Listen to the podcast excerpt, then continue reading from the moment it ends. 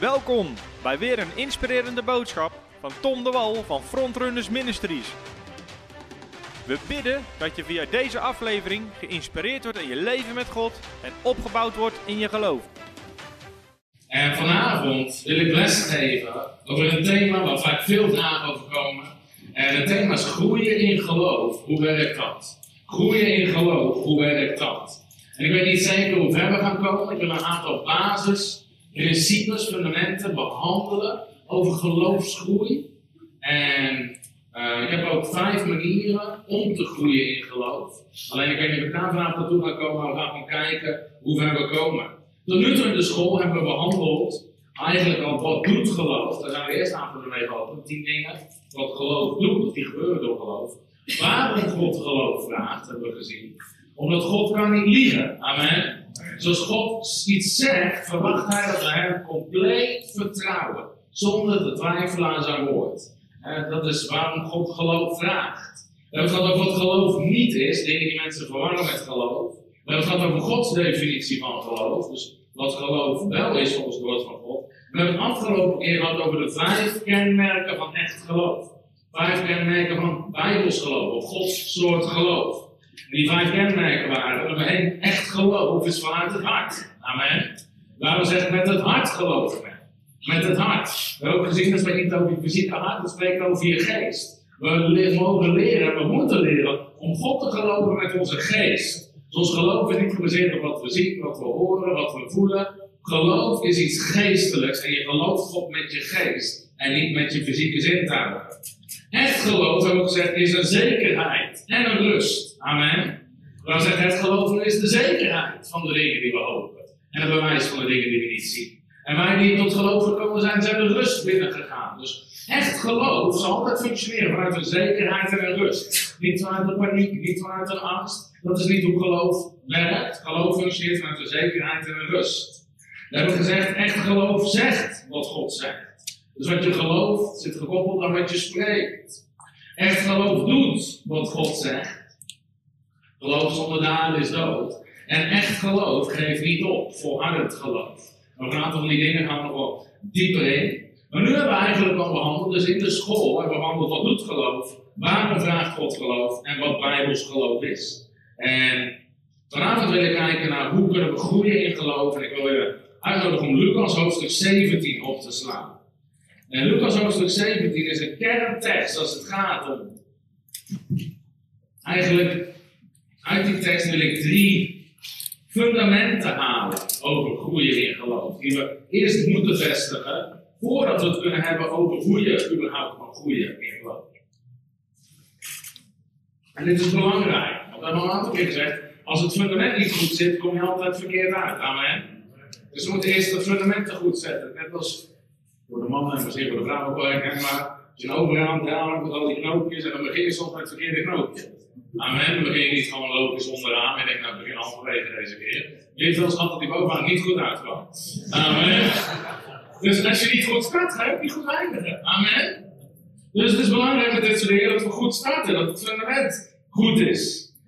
Nou, in Lucas hoofdstuk 17, daar vragen de discipelen aan Jezus om meer geloof. Die vragen de discipelen aan Jezus om meer geloof. En Jezus gaat ze hier uitleggen hoe geloof werkt. En eerst lezen we in vers 4, laten we lezen vanaf vers 3, waar Jezus zegt: Wees op uw hoede. Als u uw broeder tegen u zondigt, bestraf hem. En als hij tot inkeer komt, vergeef hem. En als hij zevenmaal per dag tegen u zondigt, en zevenmaal per dag naar u terugkomt en zegt: Ik heb berouw, dan zult u hem vergeven. En de apostelen zeiden tegen de Heer: Vermeerde ons het geloof. De apostelen worden dit en dachten, hier hebben meer geloof voor nodig dan we nu hebben. Om iemand zo vaak te vergeven. Heer, geef ons meer geloof. Vermeerder ons geloof. Maar dan komt het antwoord van Jezus. En Jezus en de Heere zei, als u gelooft, KSW zegt een geloof, maar de grond is van als u geloof had als een mosterdzaadje, zou u tegen deze moerbaarboom zeggen, wordt ontworteld en in de zee geplant. En hij zou u gehoorzamen. Hij zou u gehoorzamen. Nou, uit deze tekst wil ik drie fundament te halen, wat zo belangrijk is om te beseffen, voordat we het überhaupt kunnen hebben over groeien in geloof. En het eerste fundament, wat ik wil vestigen is, iedere christen, iedere wedergeboren christen, heeft al de mate van geloof. Dan gaan we zo meteen een aantal andere teksten weer aanhalen. Maar de discipelen dachten hier dat ze niet genoeg geloof hadden, om het zo maar te zeggen. Ze zeiden, Heer, geef ons meer geloof om deze opdracht van u uit te voeren. Nou, ook wij kunnen misschien wel eens zo denken, als we de opdrachten in het woord van God lezen. Voor sommige mensen is vergeving een groot ding. Vergeving is iets wat je doet vanuit geloof. En zeker als je leest van Jezus hoe vaak je mensen moet vergeven. En als je een tijdje meeloopt in de kerk, besef je dat je sommige mensen heel vaak moet vergeven. Amen. En de discipelen dachten, hier hebben we niet genoeg geloof voor. Maar Jezus geeft ze niet meer geloof. Jezus zegt ook niet, ja jongens, jullie moeten meer geloof hebben. De les van Jezus was, ze moesten gewoon beginnen met het geloof wat ze hadden. En wij kunnen ook soms denken, misschien als we lezen in de Bijbel, over vergeving, of over zaaien en oogsten, of het geven van tienden, of het handen leggen op zieken en ze zullen genezen, of het uitdrijven van demonen. Tot met opdrachten die in het woord van God staan, waar Jezus zegt, werk nodig op. Nou, als we dat soort dingen lezen, kunnen we denken, maar we hebben niet genoeg geloof. We hebben niet genoeg geloof. Nou, Jezus begint vervolgens over geloof als een mosterdzaadje. Zaadjes is amper zichtbaar. Maar Jezus legt uit, ze kunnen daar hele bomen ontwortelen en even plaatsen, mits ze het gaan gebruiken. Mits ze het gaan gebruiken. Dus ik wil je uit te denken aan van, oh, ik heb niet genoeg geloof, ik heb niet genoeg geloof. Begin te gebruiken het geloof wat je hebt. Begin te gebruiken het geloof wat je hebt. En de waarheid is dat iedere christen heeft geloof. Iedere christen is geloof. Als je geen geloof had, was je geen christen. Christen betekent dat we wedergeboren zijn. En dat ontvang je uit geloof.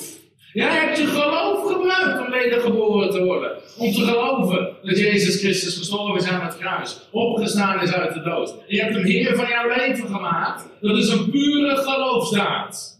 Dat betekent dat jij hebt geloof. Jij hebt het geloof van God. Weet je wat dat is wat Jezus zei? Niet alleen heb geloof in God, maar het is het geloof van God. Je gelooft God daarvoor zonder dat je het kan zien, zonder dat je het kan voelen, zonder dat je het kan horen. Maar het geloof is in je hart gekomen. Je hebt het gaan gebruiken, je hebt het beleden met je mond en je hebt het ontvangen. Amen. Dus jij hebt het geloof van God. En nu zoals je je geloof hebt gebruikt om wedergeboren te worden, precies datzelfde geloof gebruik je voor alle andere beloftes in het woord van God. Amen. Dus als christenen zeggen, ik heb geen geloof, is het eigenlijk een leugen. Je hebt geloof. Misschien mag je gaan leren hoe je het kan gaan gebruiken voor andere gebieden in je leven. Maar dat is een positief startpunt. Amen. Zeg eens, ik heb geloof. Ik heb het geloof van God. Halleluja. Zoek eens op 2 Petrus 1 vers 1. 2 Petrus 1 vers 1. Voor de mensen die online kijken, als je gebed nodig hebt of bediening, je wil je leven aan Jezus geven. De gebedslijnen zijn open, nummer komt nu in beeld. Dan kan je bellen als je vervuld wil worden met de Heilige Geest, als je in taal wil spreken, als je genezing nodig hebt. We hebben mensen van de intensive care af zien komen. Toen ze belden met de gebedslijn, met de kracht van God, stroomde de ander heen. En ze werden totaal genezen. Halleluja. 2 Petrus 1, vers 1. 2 Petrus 1, vers 1. Als je hem gevonden hebt, zeg je prijs de Heer. Geloof. Daar staat dit. Simon Petrus. Dit is de apostel Petrus. Een dienstknecht en apostel van Jezus Christus. Let op. Aan hen. Dit schrijft hij aan de christenen. Dat waren de christenen toen, maar dat zijn wij nu. Aan hen die een even kostbaar geloof ontvangen hebben als wij. Aan hen die een even kostbaar geloof ontvangen hebben als wij. Door de gerechtigheid van onze God en de zaligmaker Jezus Christus. Halleluja. Jij hebt hetzelfde geloof ontvangen als de apostel Petrus. Staat dat er? Aan hen die een even kostbaar geloof. Aan hen die hetzelfde geloof hebben ontvangen als wij. Amen. Jij hebt hetzelfde geloof als de apostel Petrus. En het tweede woord is misschien ontvangen. Ik ga er zo meteen iets over zeggen. Aan hen die hetzelfde geloof en even kostbaar geloof ontvangen hebben. De apostel Petrus liep op water. Amen. Zeg eens, ik heb hetzelfde geloof. De apostel Petrus deed er uit. Zeg eens, ik heb hetzelfde geloof. De apostel Petrus legt de hand op zieken en ze grazen. Zeg eens, ik heb hetzelfde geloof. De apostel Petrus wekt de doden op. Zeg eens, ik heb hetzelfde geloof. De apostel Petrus uit genazen, mensen. Zeg eens, ik heb hetzelfde geloof. Jij hebt hetzelfde geloof als de apostel Petrus. Amen. Je gelooft in dezelfde Heer. Je hebt op precies dezelfde manier redding ontvangen. Je hebt het ontvangen. De Engelse Bijbel zegt in Hebreeën 12, vers 1: Jesus is the author and the finisher of our faith. Hij is degene die het gestart heeft. Jezus heeft het geloof als ware gecreëerd. En wij hebben het ontvangen. Jezus is in de business van geloof creëren. Halleluja.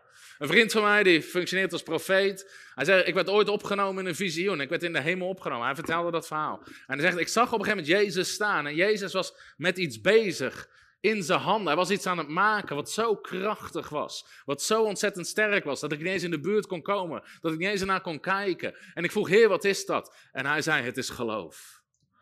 Hij zegt, ik zag de substantie geloof in de hemel. En hoe krachtig het was. Hoe, het was het meest krachtige wat ik ooit gezien had. Jezus is de author and the finisher of our faith. Amen. Jezus is in de business van geloof creëren. Halleluja. Je hebt het ontvangen in je geest. Je hebt het ontvangen. Dan mag je even gaan naar Romeinen hoofdstuk 12. Romeinen hoofdstuk 12. En dan gaan we vers 3 lezen.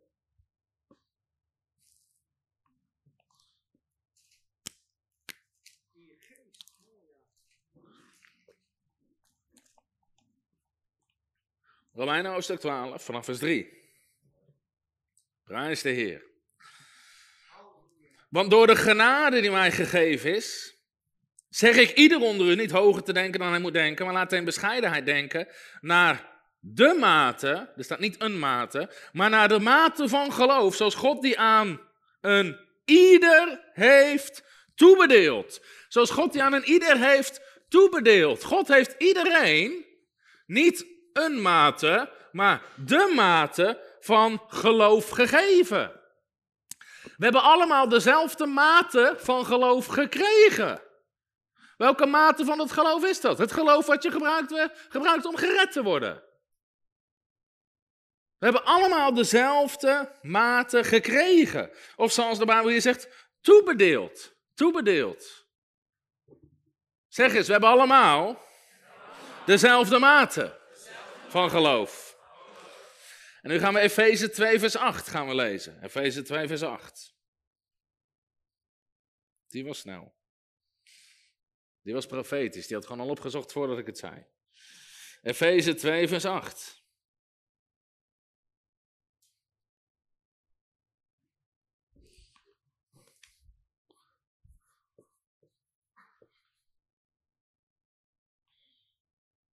Daar staat het volgende.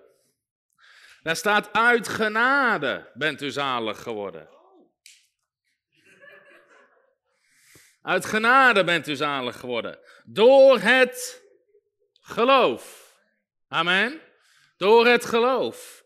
En dat niet uit u. Het is de gave van God. Het is de gave van God. Nou, aan de ene kant spreekt het natuurlijk over de genade, is de gave van God, maar ook het geloof eigenlijk in deze context staat. Geloof is de gave van God. In andere woorden, het is God zelf die jou geloof gegeven heeft om gered te worden. Jij deed je Jij opende je hart voor het evangelie. Het woord van God werd gezaaid. En het woord van God creëerde geloof in jouw hart.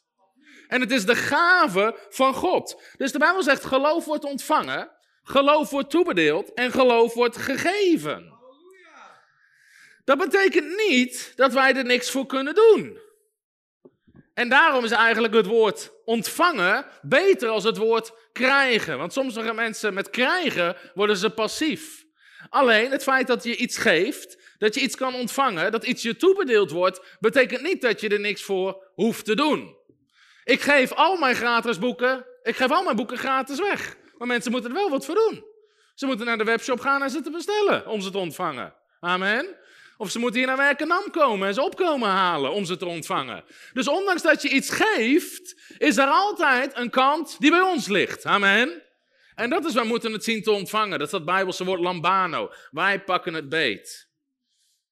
Maar het eerste fundament is iedere wedergeboren christen heeft al geloof. Heeft al geloof. Iedere wedergeboren christen heeft al geloof. En je geloof kan groeien. Je geloof kan groeien.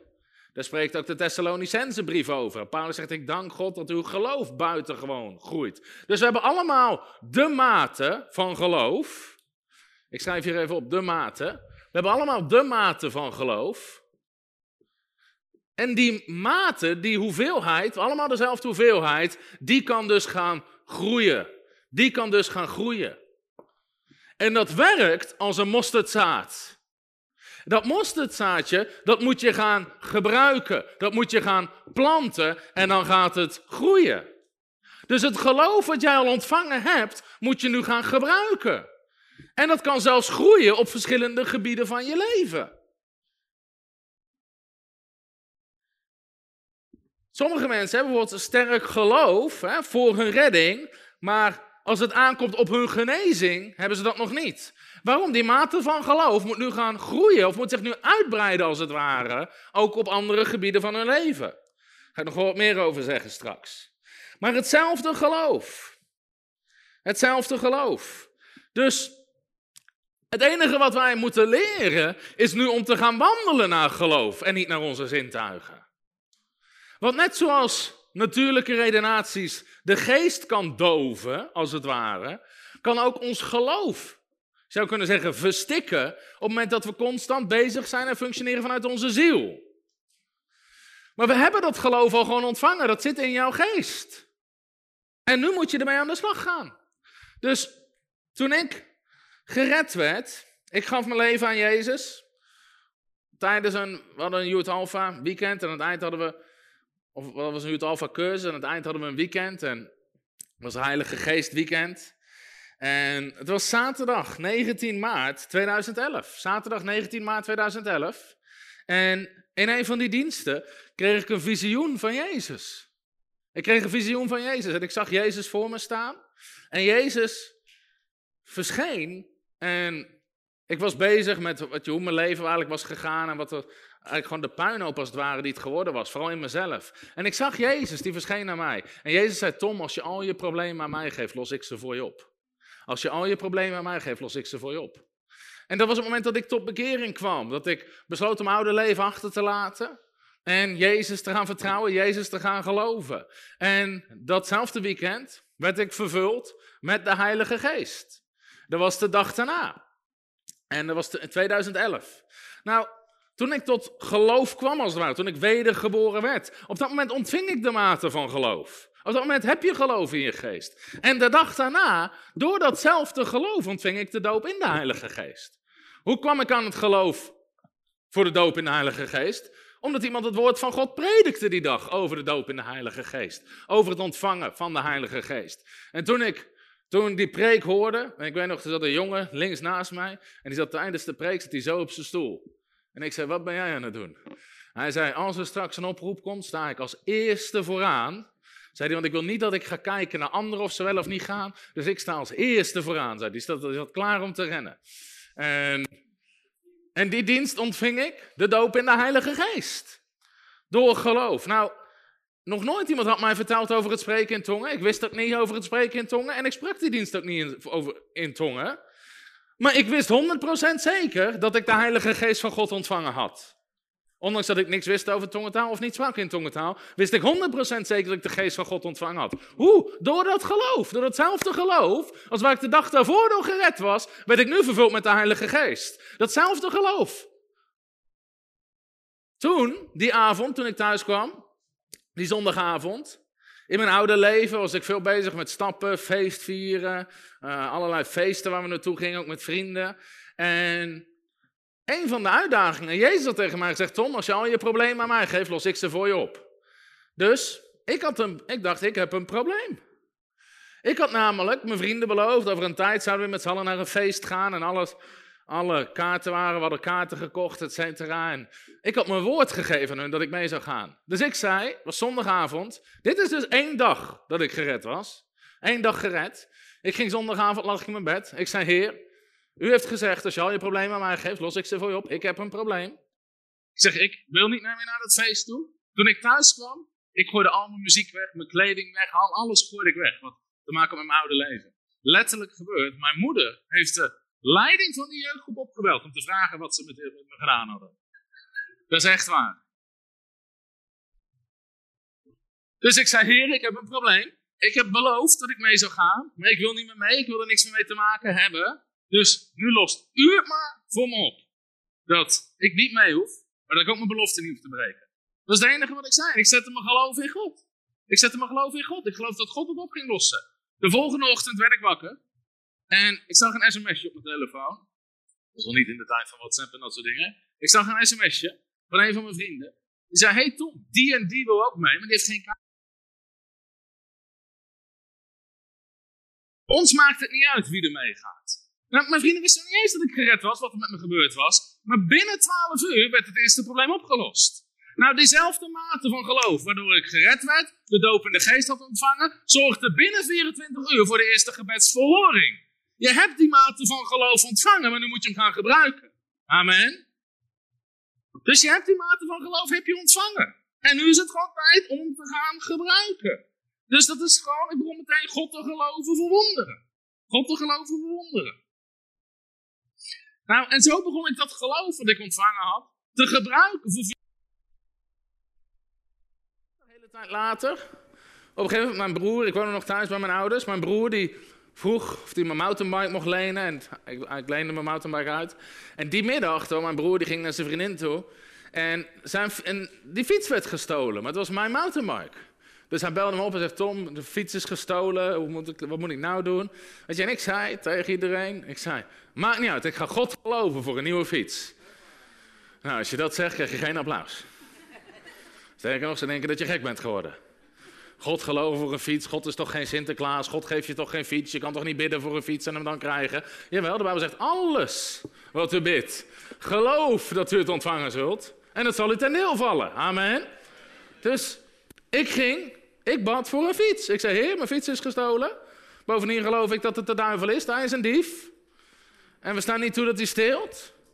Dus in de naam van de Heer Jezus Christus bid ik voor een nieuwe fiets. En ik geloof dat ik hem ontvang op dit moment moment dat ik bid. En ik geloof dat ik een fiets ontvangen had. Binnen drie weken komt er iemand naar me toe. En die opent zijn bestelbus. Zegt, God heeft me gezegd om jou een nieuwe fiets te geven. En die haalde een nieuwe fiets uit zijn bestelbus. Halleluja. En ik kwam thuis. En mijn moeder zegt, hoe kom je aan die fiets? Ik zeg, heb ik van God gekregen. Halleluja. En mijn opa, mijn opa was altijd zwaar, zwaar, zwaar gereformeerd. En, maar op het eind van zijn leven werd hij wat dement. En dat had het voordeel dat hij wat zachter werd in wat hij precies geloofde. Dus hij kon in één keer naar de katholieke tv kijken en alles was mooi en prachtig. En toen zat mijn opa op de verjaardag. Tom heeft een nieuwe fiets gehad van de Heer. Tom heeft een nieuwe fiets gehad van de Heer. Halleluja. En iedereen hoorde dat ik een nieuwe fiets had gehad van de Heer. Amen. Nou, datzelfde geloof wat je gebruikt om gered te worden. Om de geest te ontvangen. Om wonderen mee te maken. Om voorziening te ontvangen. Het is hetzelfde geloof wat je nu moet gaan inzetten op verschillende gebieden van je leven. Amen. Dus kijk niet van, hé, hey, mijn geloof is zo klein, je moet dat geloof gaan gebruiken. En dat is ook het tweede, tweede fundament. En het tweede fundament van geloofsgroei is je moet je geloof gaan gebruiken om het te vermeerderen. Je moet je geloof gaan gebruiken om het te vermeerderen.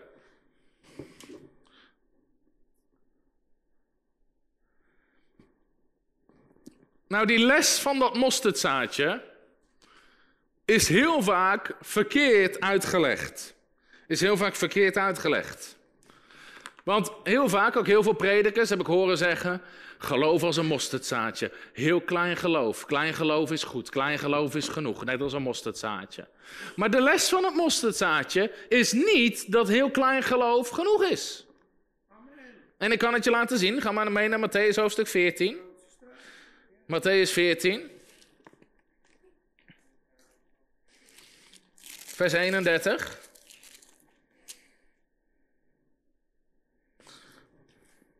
Dit is het verhaal van de discipelen en Jezus in de storm. En Petrus die over water wandelt, op het woord van Jezus.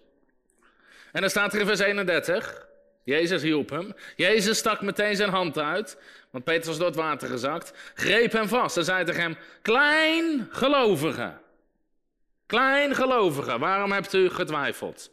Nou, als klein geloof genoeg was, was Petrus niet door het water gezakt. Dus klein geloof, dat is niet de les van het mosterdzaadje, dat klein geloof, dat dat goed is. In Matthäus hoofdstuk 8 kan je hetzelfde zien. Ik wil gewoon de teksten geven. In Matthäus 8, vers 26. Daar zegt Jezus ook: Waarom bent u zo angstig, kleingelovige? Kleingelovige. Dus de les van het mosterdzaadje is niet: Ach, als je, al heb je maar een heel klein geloof, dan is het al goed. Nee, dat is niet wat Jezus hier onderwijst. Wat is de les in de Bijbel van het mosterdzaadje? Ga eens mee naar Matthäus hoofdstuk 13.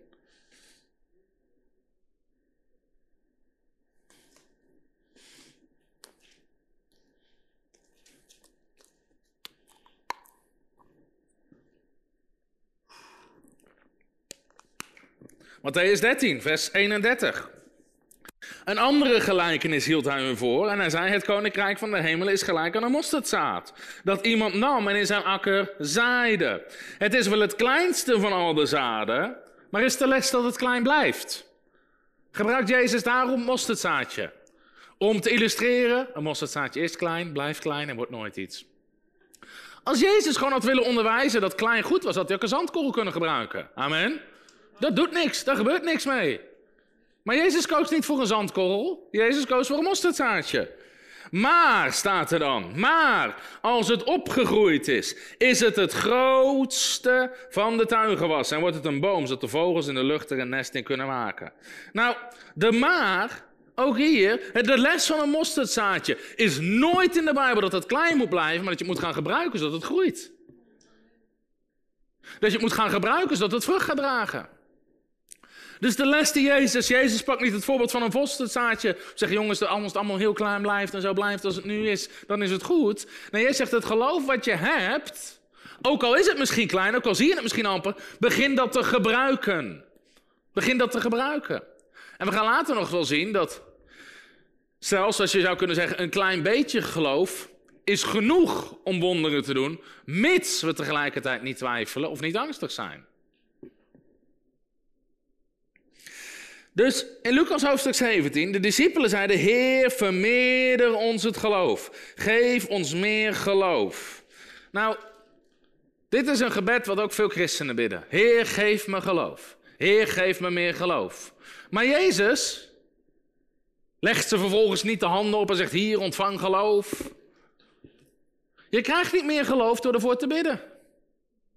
Je krijgt niet meer geloof door ervoor te bidden.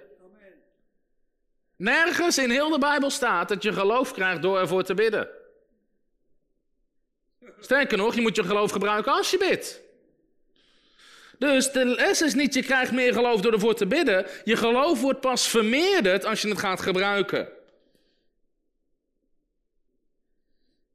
Jezus gaf zijn discipelen niet meer geloof. Hij gaf zijn les over hoe hun geloof werkt. Nou, ik heb wel eens in diensten gestaan, ook waar zelfs de aanbiddingsleider begon. Heer, u zegt dat geloof een gave is, geef mij geloof. Nee, zo werkt het niet. Zo werkt het niet. Geloof is een gave in die zin, alleen het is niet zo dat je, dat je het ontvangt door ervoor te bidden. Want anders kan je zeggen, ja, ik had geen geloof, want God heeft het niet gegeven. Maar dat is niet hoe het werkt. Je moet je geloof gaan gebruiken, je moet het gaan zaaien. Geloof van welk formaat dan ook moet gebruikt gaan worden zodat het kan groeien. Het moet gezaaid worden. Dus je moet niet blijven kijken naar je zaadje en zeggen, het is maar zo klein, het is maar zo klein. Je moet dat gaan gebruiken. Je moet het aan het werk zetten. Als we Lucas hoofdstuk 17 verder zullen lezen, ik ga het nu niet doen, maar ik wil je even de context geven. Eerst, leg, ik ga het wel doen, want anders dan kan je zien dat het er recht staat. Amen. Gaan we terug naar Lucas hoofdstuk 17.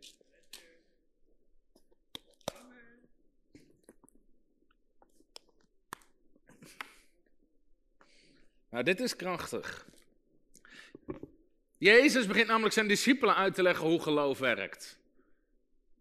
En dan eerst begint hij over dat mosterdzaad. Maar dan zegt hij, Dat mosterdzaad is vers 6. als u gelooft als een mosterdzaad, zou u tegen deze moerbijboom zeggen, wordt ontworteld en in de zee geplant en hij zou u gehoorzamen. Vers 7. En. Iedereen zegt en. Wat betekent deze en? Dat betekent dat Jezus doorgaat met zijn onderwijs over geloof. Amen. Weet je, sommige christenen lezen niet ver genoeg door. Dat is net zoals met het Onze Vader. de discipelen zeggen, Heer, leer ons bidden. En dan alle christenen kennen het Onze Vader. Maar Jezus gaat meteen daarna door met een gelijkenis waarin hij leert dat God altijd al je gebeden wil verhoren. Maar dit, dat, dat wordt er niet ingeramd op zondagschool. Je zegt, nee, God is geen Sinterklaas. Nee, je bent te vroeg gestopt met lezen. Amen. En wie van u een slaaf of een dienstknecht heeft, die ploegt of de kudde waait, zal meteen als hij van de akker komt tegen hem zeggen, kom en ga aanliggen. Zal hij niet tegen hem zeggen, tref voorbereidingen, zodat ik vanavond de maaltijd kan gebruiken, om God u en bedien mij, totdat ik gegeten en gedronken heb en eten en drinkt u daarna. En hij bedankt die slaaf toch zeker niet, omdat hij gedaan heeft wat hem opgedragen was? Ik meen van niet. Zo moet u ook, wanneer u gedaan hebt wat u opgedragen is, zeggen, wij zijn onder te slaven, wij hebben slechts gedaan wat we moeten doen. En het gebeurde toen hij naar Jeruzalem reisde, dat hij dwars door Samaria en Galilea heen trok. En hij wilde een zeker dorp binnengaan. Er kwamen tien laatste mannen op hem af, die op een afstand bleven staan. Zij verhieven hun stem en zeiden, Jezus, meester, ontferm u over ons. En toen hij hen zag, zei hij tegen hen, ga heen, toon u zelf aan de priesters. En het gebeurde terwijl zij heen gingen, dat zij gereinigd werden. En als je verder zal lezen, zie je dat één hem komt bedanken. Ik weet niet of je de link ziet tussen deze verhalen. Jezus leert eerst geloof Zet je aan het werk als een mosterdzaadje wat je zaait. Vervolgens begint hij over geloof als een dienstknecht. Je geloof inzetten als een dienstknecht. En wie van u die een slaaf of een dienstknecht heeft, in andere woorden, je moet het aan het werk zetten. Je moet je geloof aan het werk zetten. En als die dienstknecht terugkomt, bedank je die toch zeker niet? Wie krijgt uiteindelijk de eer? God krijgt de eer, niet jouw geloof. En vervolgens laat Jezus exact zien hoe dit werkt in het verhaal van de tien Melaatse. Ze komen naar hem toe, ze blijven op een afstand staan. Jezus zet zijn geloof aan het werk door te zeggen, ga heen en laat jezelf aan de priester zien. Verklaar jezelf gezond, zegt hij eigenlijk. Zij gingen heen, ze komen terug en één komt terug om Jezus te bedanken en de eer te geven. Halleluja. Hij bedankte niet het geloof van Jezus, hij bedankte de Heer zelf. Amen. Dus je geloof werkt als een mosterdzaadje. Je geloof werkt als een dienstknecht. En je moet het aan het werk gaan zetten. Amen. Zeg eens tegen je buurman of je buurvrouw, zet je geloof aan het werk.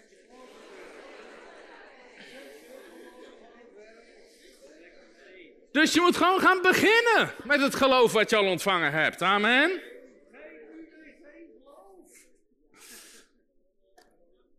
Nou, de allereerste keer, nogmaals, ik ben gered, ik werd wedergeboren, vervuld met de Heilige Geest, in maart 2011.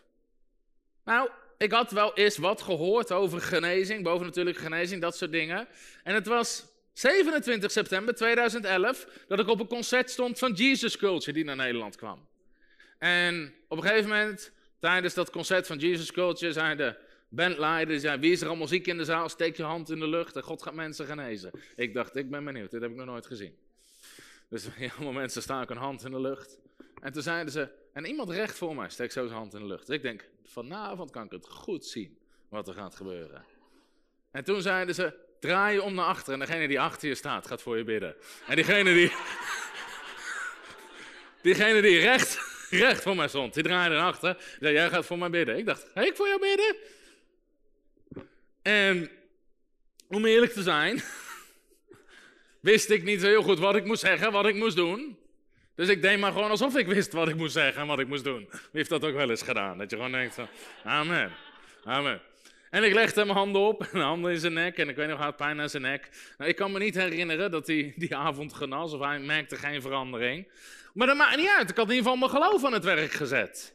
Mijn geloof was in ieder geval gebruikt. En vanaf dat moment besefte ik, wacht, dit is wel wat de Bijbel zegt, dus ik moet dit gewoon gaan doen. Dus vanaf dat moment begon ik het woord te onderzoeken. Wat zegt het woord van God eigenlijk over genezing? Ik begon mijn geloof als het ware te voeden. En ik zat terug te kijken, gewoon, in, gewoon ik, ik kon wat dingen opzoeken, ook, ook in mijn eigen mailbox en wat andere informatie. En twee maanden later stuurde ik een mailtje naar iemand toe. Want ik, dat, de, genezing had me aan het denken gezet. En ik zag terug in mijn eigen mailtje. Dit zijn 50 teksten in de Bijbel over genezing. God belooft ons altijd genezing en God wil dat wij zieken genezen. Halleluja. Ik had het twee maanden bestudeerd. Ik was eruit. 50 beloftes in het woord van God over genezing. God wil altijd genezen en God wil dat wij zieken gaan genezen. En ik was in ieder geval gewoon begonnen. Ik had mijn geloof aan het werk gezet. Ik was mijn geloof gaan voeden. En vanaf dat moment begon ik gewoon handen te leggen op zieken en God te geloven dat ze zouden genezen. Of ik het nou zag gebeuren of niet. Want geloof, je gelooft in God met je hart, niet met je ogen. Daarom mensen zeggen, ik heb wel eens voor iemand gebeden, die is niet genezen. Gefeliciteerd, ik ook. Alleen daarna ben je gestopt, omdat je God geloofde met je ogen in plaats van met je hart. Dus ik bleef gewoon doorgaan en doorgaan en doorgaan. Dus iedere kans die ik kreeg om handen te leggen op zieken. Nou, toen was het 2012 en toen deden, gingen we evangelisatiereizen maken. Waar we gewoon op straat, vaak uitgaansgebieden gingen. Destijds nog in Renesse en dat soort plekken waar veel, waar veel jongeren uitgingen. En dan gingen we het evangelie verkondigen en handen leggen op zieken. En ik weet nog gewoon dat, terwijl ik mijn geloof begon te gebruiken, ondanks dat ik de eerste keer niks zag te veranderen, dat de wonderen toenamen en toenamen en toenamen. Het was 2011, weet ik nog, gewoon dat mensen op straat, gewoon wanneer ik zijn handen op, op ze legde, dat ze genazen. Ik herinner me een jongen die had een blessure aan zijn knie en ik legde mijn handen op zijn knie. En voordat ik iets kon zeggen, voelde ik de kracht van God stromen en hij genas plek en hij gaf zijn leven aan Jezus. En dat soort, dat soort wonderen begon ik een aan de lopende band mee te maken. Het was 2012, iets later dat jaar. Was er in, 2000, in augustus 2012, waar ik voor het eerst een blind iemand zag genezen. Een blinde meid tijdens evangeliseren. En waarom? Dat geloof had ik al ontvangen in mijn geest, maar nu moest ik het gaan gebruiken.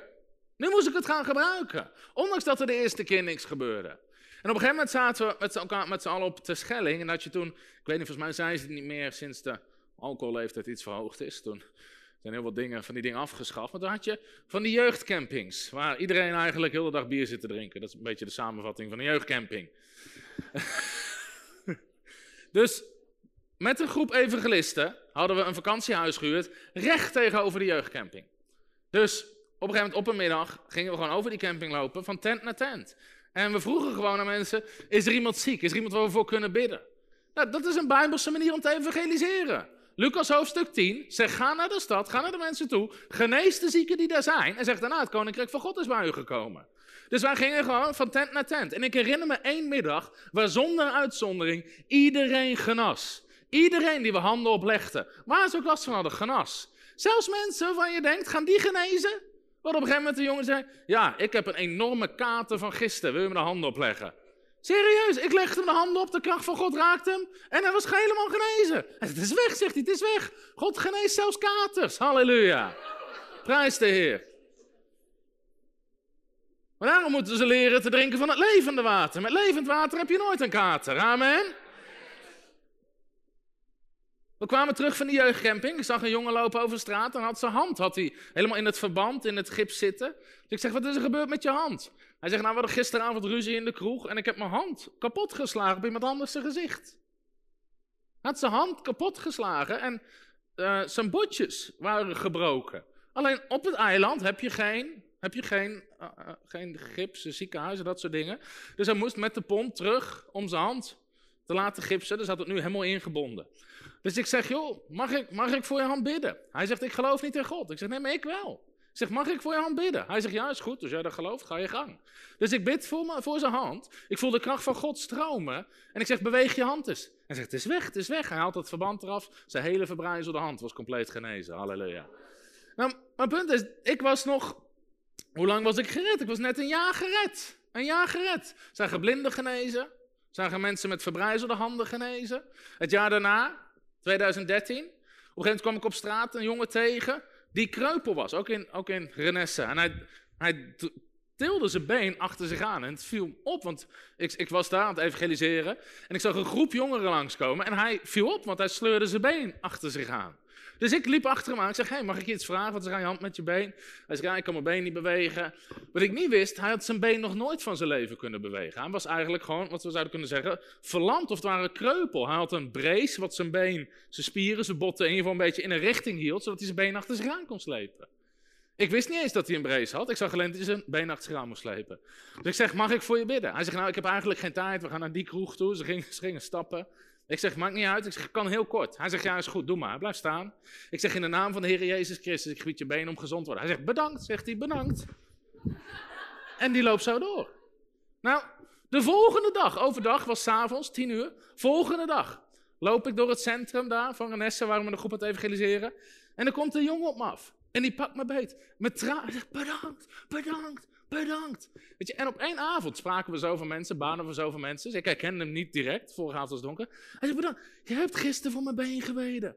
En hij begint te huilen, hij begint te huilen. Hij zegt, ik heb vandaag voor het eerst van mijn leven kunnen voetballen met mijn vrienden. Hij was die avond, na het stappen, was hij terug naar hun camping gegaan. En hij wilde gaan slapen. En als hij ging slapen, deed hij zijn brace af. En hij doet zijn brace af. En hij komt erachter dat zijn spieren, zijn botten, zijn pezen compleet genezen zijn. En voor het eerst van zijn leven kan hij dat been bewegen. En die ochtend had hij voor het eerst van zijn leven gevoetbald. Halleluja. En die middag gaf hij zijn leven aan Jezus. Halleluja. Nou, amen. Geef God eer.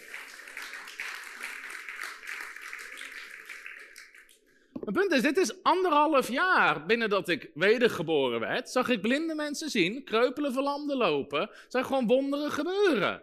Omdat je hebt het geloof al ontvangen, je moet het alleen gaan gebruiken. Ik ben er gewoon aangekomen, hoe meer je het gebruikt, hoe sterker het groeit. Amen. Dus mensen zeggen, ik heb misschien iemand gebeden, dat werkt niet. Gefeliciteerd. Als je het echt gelooft, je gelooft het met je hart, niet met je natuurlijke zintuigen, dan doe je het en dan doe je het en dan doe je het en dan gaat het werken. Amen. Daarmee was echt geloof is wanneer je stopt te geloven wat je ziet en je gaat zien wat je gelooft. Halleluja. En wonderen werden makkelijker en makkelijker en makkelijker, omdat mijn geloof groeide. Mijn geloof groeide. En ik ging God geloven voor allerlei andere dingen. Omdat ergens had ik het geluk in die zin dat toen ik tot, toen ik tot bekering kwam, ik woonde nog thuis bij mijn ouders. Ik studeerde op HBO en ik was op een gegeven moment jeugdleider van een kerk. En ook in die tijd vroeg God me op een gegeven moment om mijn bijbaantjes die ik had, om die los te laten, om God te vertrouwen voor mijn voorziening. En ik was ook heel veel uren in de week bezig met jeugdleiding. Ik werd steeds vaak gevraagd om op andere plekken te preken. En ik had eigenlijk het geluk gewoon dat ik in die tijd geloof kon leren. En mijn geloof constant kon gebruiken. Want ik had niet zoveel andere opties. Ik had ook inkomen nodig, moest kleren kopen, moest al die dingen kopen. Dus ik moest gewoon mijn geloof gaan gebruiken voor al die dingen. En ik had het geluk dat ik nog in Hotel Mama woonde. Halleluja. Dus ik hoefde niet meteen te geloven voor enorme bedragen. Maar ik weet nog, ik begon God er gewoon te geloven. Het eerst voor een paar spijkerbroeken. Voor twee spijkerbroeken en drie t-shirts. God had me geroepen om gewoon God te vertrouwen. Ik was jeugdleider, studeerde. En op een dag had ik nieuwe kleren nodig. En bij mij thuis, ik ben zo opgevoed. Je eten krijg je en de rest werk je voor. Halleluja. Er zijn nog meer mensen met zo'n oude klassieke opvoeding. Amen. Je kreeg niks. Met je verjaardag kreeg je iets. En voor de rest.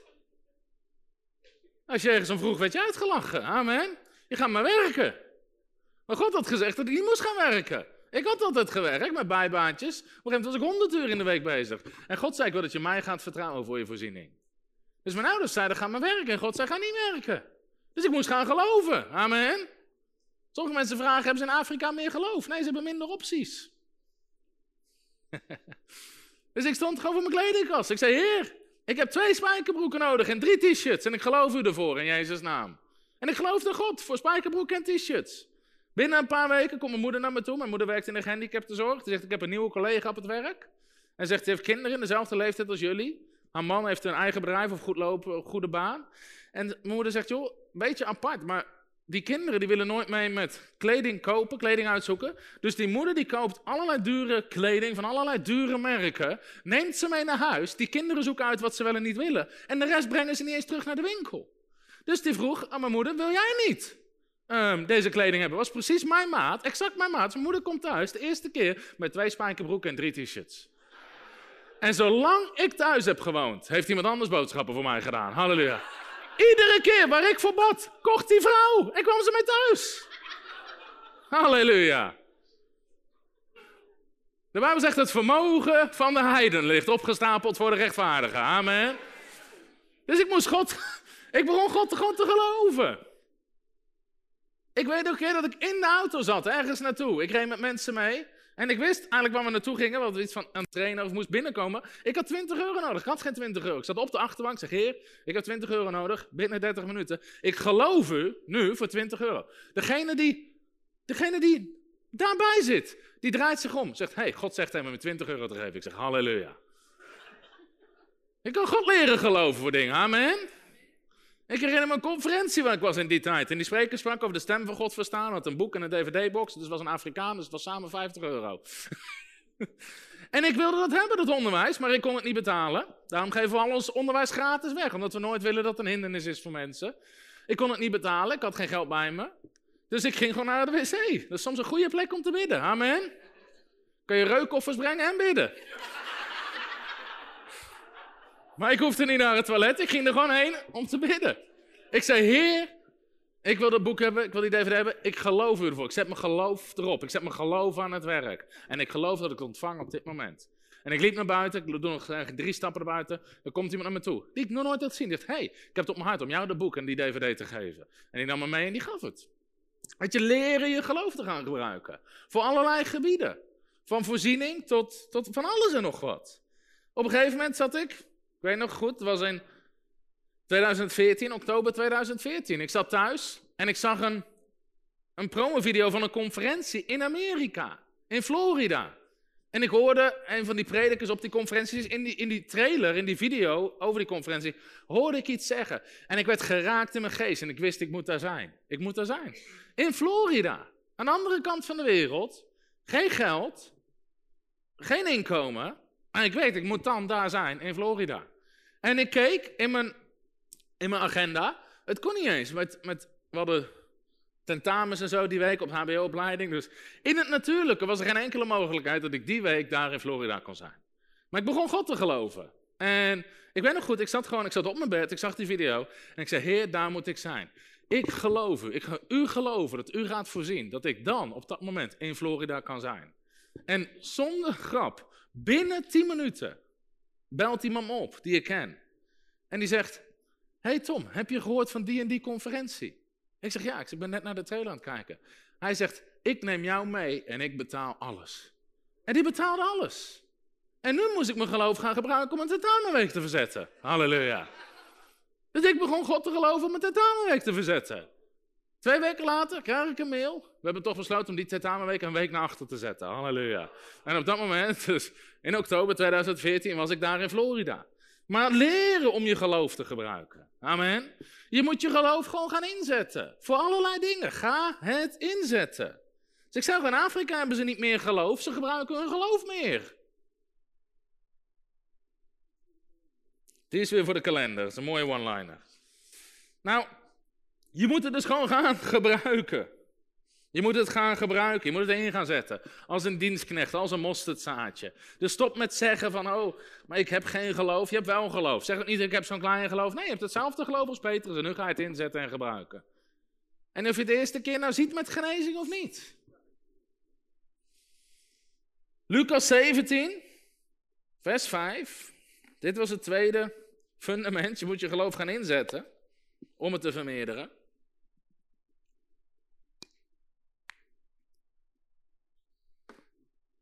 Jezus zei, apostelen zeiden, Heer, vermeerder ons het geloof. En de Heer zei, als u een geloof had als een mosterdzaadje, zou u tegen deze moerbijboom zeggen, word ontworteld, in de zee geplant, en hij zou u gehoorzamen. Hij zou u gehoorzamen. Nou, wat wil Jezus zijn discipelen hier leren? Ze zeiden, Heer, geef ons meer geloof. Geef ons meer geloof. Kijk wat ik mijn andere stift heb.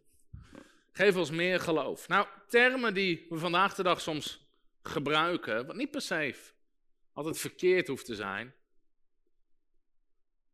maar wat vaak verkeerd geïnterpreteerd wordt. Meer geloof of groter geloof. Nou, dat zijn termen die je mensen wel eens hoort gebruiken. Je moet meer geloof hebben. Je moet groter geloof hebben. Jezus zei nooit tegen iemand: je moet meer geloof hebben of je moet een groter geloof hebben. Nooit. Er is geen één vers in de Bijbel waar Jezus tegen iemand zegt: je moet meer geloof hebben of je moet groter geloof hebben. Wat leert Jezus je? Gewoon geloof is genoeg. Gewoon geloof. Je moet geloof hebben. En al heb je geloof als een mosterdzaad, zou het nog steeds werken, mits je tegelijkertijd niet twijfelt. Het gaat nooit om meer geloof. Het gaat om afrekenen met twijfel, angst en ongeloof. Er is geen één tekst in de Bijbel waar jij zegt je moet meer geloof hebben. Dus we moeten stoppen met dat denken over meer geloof of groot geloof. Nou, de Bijbel beschrijft verschillende hoeveelheden geloof. En het is ook goed om daar bewust van te zijn. Laten we eens Matthäus hoofdstuk 13 opzoeken. Er zijn verschillende hoeveelheden geloof. In Matthäus 13, vers 58, daar lezen we dat Jezus, Jezus zelf, naar Nazareth gaat, naar zijn vaderstad. En overal waar Jezus kwam, deed Jezus wonderen, tekenen, grote genezingen. En dan komt hij in Nazareth. En dan staat daar, en hij deed daar niet veel krachten vanwege hun ongeloof. Als je hetzelfde verhaal leest in Marcus 6, staat er zelfs, en hij kon daar geen krachten doen vanwege hun ongeloof. Dus je kan te maken hebben met ongeloof. Gaan we ook een avond over hebben, hoe je afrekent met ongeloof. Nou, in Matthäus hoofdstuk 17, deze is interessant. Matthäus 17, vers 19 en 20. Dit is een verhaal die je voor jezelf al honderd keer kan lezen. En waarom is dit zo'n interessant verhaal? Omdat in dit verhaal de discipelen van Jezus voor iemand bidden die genezing nodig heeft, die hulp nodig heeft, bevrijding nodig heeft, die maanzieke jongen. En die jongen geneest niet en Jezus legt uit waar het aan ligt. Denk je dat dit een belangrijk verhaal is? We hebben maar één verhaal waar de discipelen voor iemand bidden en die geneest niet en Jezus legt uit waar het aan ligt. Nou, er zijn allerlei mensen met allerlei theorieën, maar Jezus zelf legt het uit. En we gaan nu niet heel het verhaal bestuderen. Maar er staat dit. En toen kwamen de discipelen bij Jezus en zeiden toen zij alleen waren, waarom konden wij hem niet uitdrijven? En Jezus zei vanwege uw ongeloof. Vanwege uw ongeloof. En dan zegt hij, al had u geloof als een mosterdzaad. Let op, Jezus zegt niet omdat je niet genoeg geloof had. Jezus zegt niet omdat je niet meer geloof had. Hier zou ik eigenlijk ook het woord genoeg, niet genoeg geloof. Of dat je niet een groter geloof had. Jezus zegt vanwege uw ongeloof. Al had je geloof als een mosterdzaad, was het gelukt. En wij kunnen denken, ja, maar de discipelen, die hadden toch geloof? Die hadden toch zieken genezen? Die hadden demonen uitgedreven? Ja, maar wat was er gebeurd? Die jongen die begon heel heftig te manifesteren. Ze zagen geen verandering met hun natuurlijke ogen. En ze begonnen te twijfelen. Ze begonnen te twijfelen. Zelfs bij Jezus lezen we dat die jongen heftig manifesteert. En ze begonnen te twijfelen. En er was een moment dat ze dachten, dit werkt niet, dit lukt niet. En jij zegt, het ligt aan jullie ongeloof. Het ligt aan jullie ongeloof. Hij zegt niet eigenlijk, je moet meer geloof hebben. Je moet afrekenen met dat ongeloof. Want al zou je geloof hebben als een mosterdzaad. Dus jij zegt niet, nou, als zou je een groot geloof hebben, was het wel gelukt. Nee, geloof als een mosterdzaad had gewerkt als je daarbij niet twijfelde. Als je niet opgegeven had. Dus je leest in de Bijbel over ongeloof. Je leest ook over klein geloof. Nou, die teksten hebben we al gelezen, dus die wil ik nu niet allemaal uh, nog een keer lezen. Maar klein geloof zie je in Matthäus 14, waar Jezus zegt: U kleingelovige, waarom heeft u getwijfeld? Getwijfeld, dus dat kleine geloof uitte zich in twijfel. In Matthäus 8 zei Jezus, waarom bent u zo angstig, kleingelovige? Dus er was angst. En um, in Matthäus 16 lees je dat zich zorgen maakte. Zorgen maakte. Dus waar je soms mee te maken hebt, is ongeloof in de vorm van twijfel, angst of zorgen maken. En dat ongeloof of het nou angst is, twijfel of zorgen maken, maakt de kracht van je geloof teniet, om het zo maar te zeggen. Zorg dat je geloof niet effectief is. Dus de oplossing daarvoor is niet meer geloof hebben. Of je, je geloof is niet groot genoeg. Nee, je moet afrekenen met twijfel, angst en zorgen. Dat is waar je mee moet afrekenen. En heel vaak zijn christenen druk bezig met meer geloof, groot geloof. Terwijl waar de oplossing voor zit, is niet twijfelen. Niet angstig zijn. Niet opgeven. Geen zorgen maken. Dus christenen focussen zich op het verkeerde. En ze bezig om geloof te bouwen, geloof te bouwen, geloof te bouwen. Dat is goed, maar ondertussen zit er iets subtiels in hun hart, genaamd twijfel. Of angst, of zorgen waar ze niet mee afrekenen.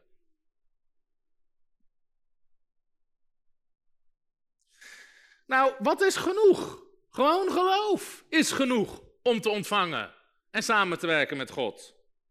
Jezus zei tegen de bloedvloeiende vrouw, Marcus 5, vers 34, hoef je niet op te zoeken. Hij zei, dochter, uw geloof heeft u genezen. Zei niet uw grote geloof, of uw bijzondere geloof. Gewoon uw geloof heeft u genezen.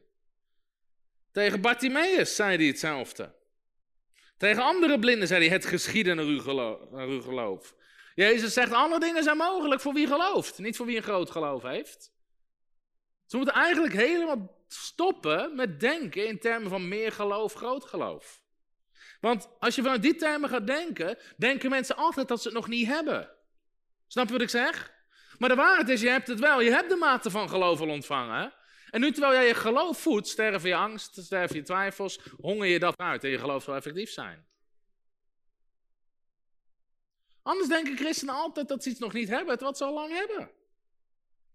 Nou, en er is groot geloof. Er is groot geloof. En je geloof kan groeien. Alleen het is niet het antwoord als iets niet werkt. Tegen wie zegt Jezus over groot geloof? Over twee mensen. Over de hoofdman in Matthäus hoofdstuk 8.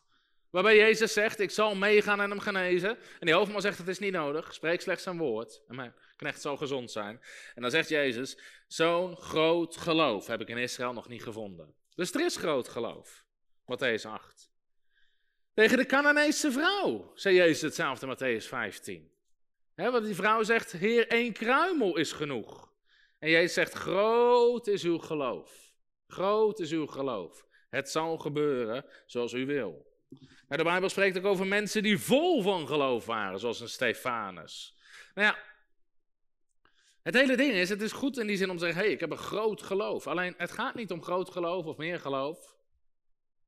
Wat we moeten doen is afrekenen met ongeloof, met zorgen en met twijfels. En dat is het derde fundament wat Jezus leert bij de gelijkenis van de mosterdzaadje. Het gaat niet om meer geloof. Toen de discipelen zeiden, Heer, vermeerder ons geloof. Ze heeft niet, inderdaad, je hebt een groot geloof nodig. Want als je dan zal zeggen tegen de berg of tegen de boom. Nee, geloof als een mosterdzaad werkt. Mits je daarbij niet twijfelt. Mits er tegelijkertijd geen twijfel, angst of zorg aanwezig zijn.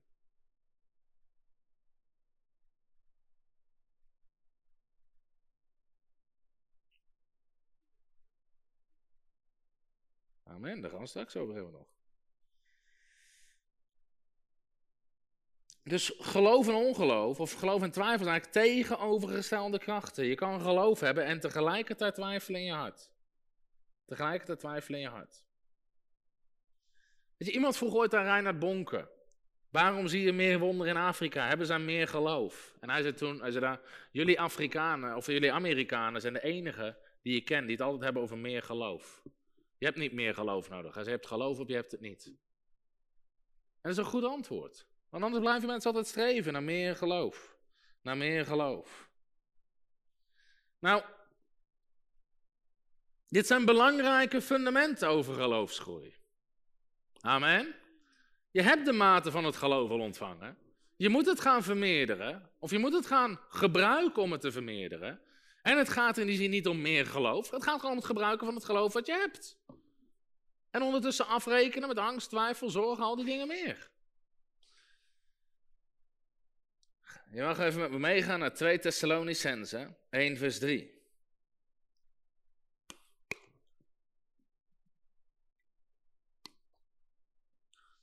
En ik denk dat ik de volgende les wil delen over vijf manieren waarop ons geloof groeit. Want er is nog één eigenlijk belangrijke voorwaarde voordat ons geloof kan groeien. 2 Thessalonicenzen 1 vers 3. Heb je hem gevonden? Prijs de Heer. 2 Thessalonicenzen 1 vers 3.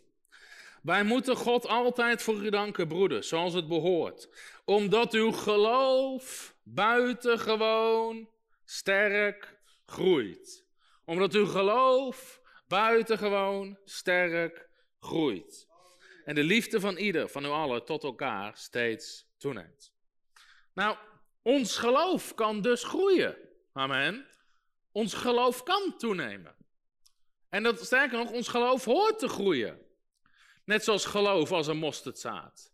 En ik denk dat velen van ons zouden kunnen zeggen, als je nu terugkijkt waar je begonnen bent, dat je een andere mate van geloof hebt. In die zin, we hebben allemaal de mate van geloof gekregen. Alleen het is nu aan jou om die mate te gaan groeien en vermenigvuldigen. Amen. En ons geloof kan buitengewoon sterk groeien. Nou, God vraagt geloof van ons, dat is duidelijk. Zonder geloof is het onmogelijk om God te behagen. Door geloof ontvangen we Gods beloftes. Als God geloof vraagt van ons, geeft hij ons ook manieren om geloof te krijgen. Amen. Als God geloof zou vragen, maar ons geen manieren zou geven om geloof te krijgen, zou God onrechtvaardig zijn. Dan zouden we kunnen zeggen, ja, Heer, u vraagt het wel, we hebben geen manier om het te krijgen. Maar als God ons manieren geeft in zijn woord waarop we geloof krijgen, is het onze verantwoordelijkheid om het te hebben. Amen.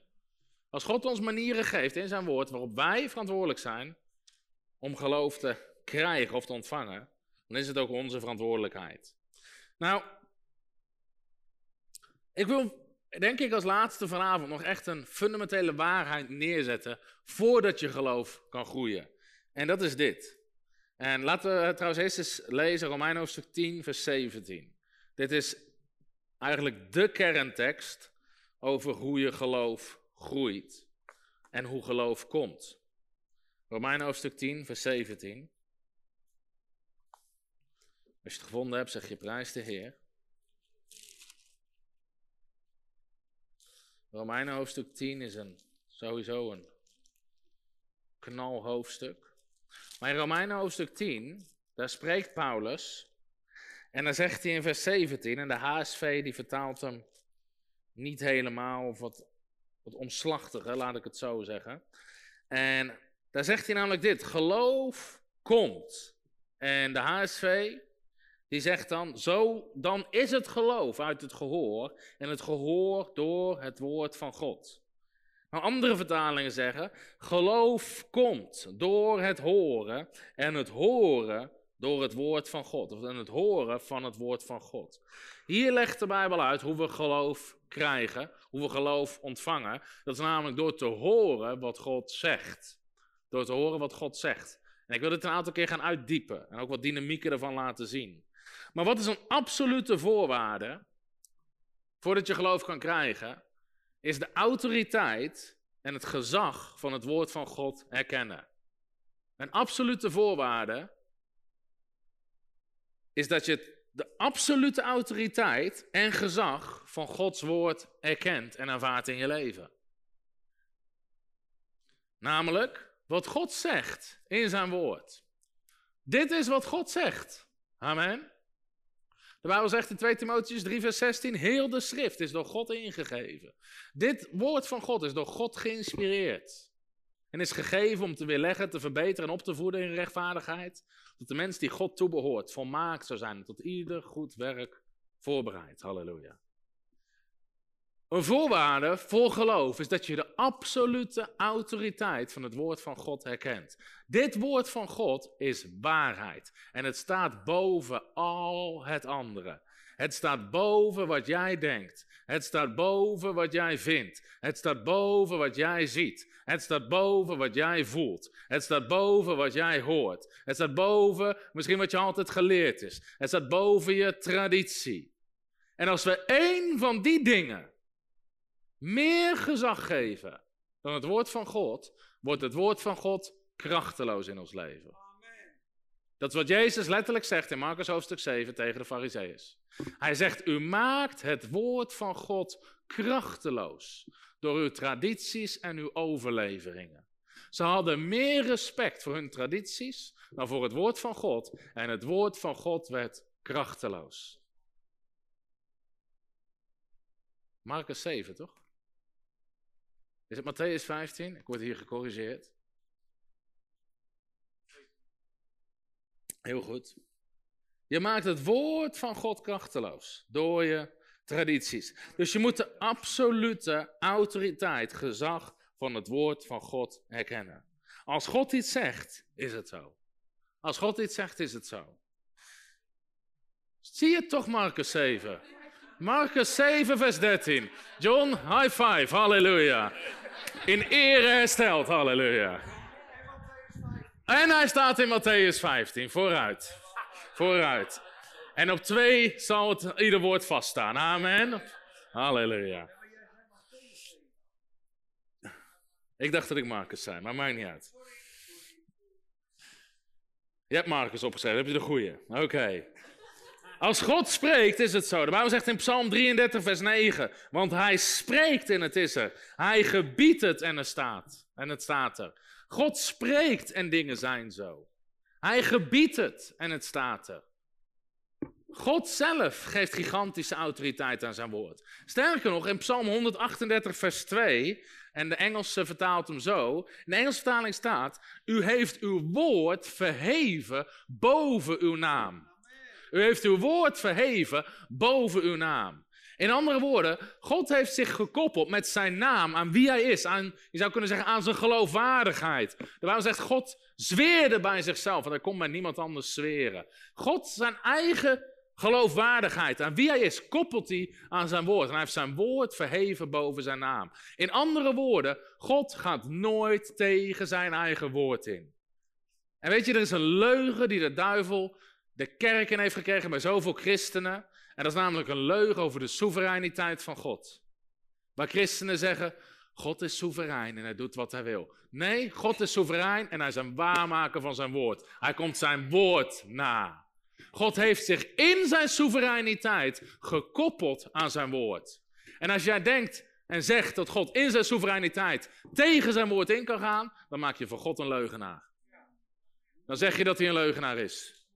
En een van de dingen waar mensen mij vaak op bekritiseren, hij gelooft niet in de soevereiniteit van God. God is soeverein, maar hij heeft in zijn soevereiniteit zich gekoppeld aan zijn eigen woord. En hij gaat er nooit tegenin. Hij gaat er nooit tegenin. En het zijn religieuze excuses die de duivel de kerk in heeft gebracht. Ach, God is soeverein, hij doet wat hij wil. We weten niet waarom die broeder niet genezen is, maar God is soeverein. Pff, stop ermee. Stop ermee. Weet je wat in het woord staat? Jij hebt autoriteit gegeven voor iedere ziekte en elke kwaal. En wat doen we? Jij probeert het bij God neer te leggen. En het af te schuiven onder de soevereiniteit van God. En ach, uiteindelijk alles wat gebeurt is de wil van God. Ben je na drie zinnen gestopt om je Bijbel te lezen? Heb je het ding überhaupt ooit gelezen? Alles wat gebeurt is de wil van God. Ik weet niet wat je aan het lezen bent, maar niet het woord van God. Binnen een paar bladzijden zie je de zondeval. Was dat de wil van God? Nee. Er zit een verschil tussen wat God wil en wat God toestaat. Er zit een verschil tussen wat God wil en wat God toestaat. En in zijn soevereiniteit staat God een hele hoop toe, maar dat is niet de wil van God. De zondeval was niet de wil van God. Dat mensen zondigen is niet de wil van God. Dat mensen ziek zijn is niet de wil van God. Is allemaal niet de wil van God. Bovendien leert de Bijbel dat er is een duivel, een dief, die komt om te roven, te stelen en te vernietigen. En dat zijn dingen wat religie mensen wijs maakt. Dus met de Here heeft hem ziek gemaakt. Nee, het is de duivel. Handelingen 10, vers 38. Jezus is genas alle die door de duivel overweldigd waren. Sommige mensen denken dat God en de duivel rollen hebben gewisseld halverwege de eeuw. Dan zeiden nou, weet je wat? En tegenwoordig als, je mensen, als mensen genezen in je dienst, zeggen ze, nee, dat is van de duivel. Dus alsof God en de duivel rollen hebben gewisseld. Dat ze zeiden, weet je wat? Vanaf nu maak jij mensen ziek en genees ik ze. Dat, zijn, nou, dat is nou leuk, want we doen het al duizenden jaren zo, laten we even omwisselen. Dat is wat sommige mensen denken. Als je luistert naar wat ze zeggen. Maar je moet de absolute autoriteit van het woord aanvaarden. God heeft zijn woord verheven boven zijn naam.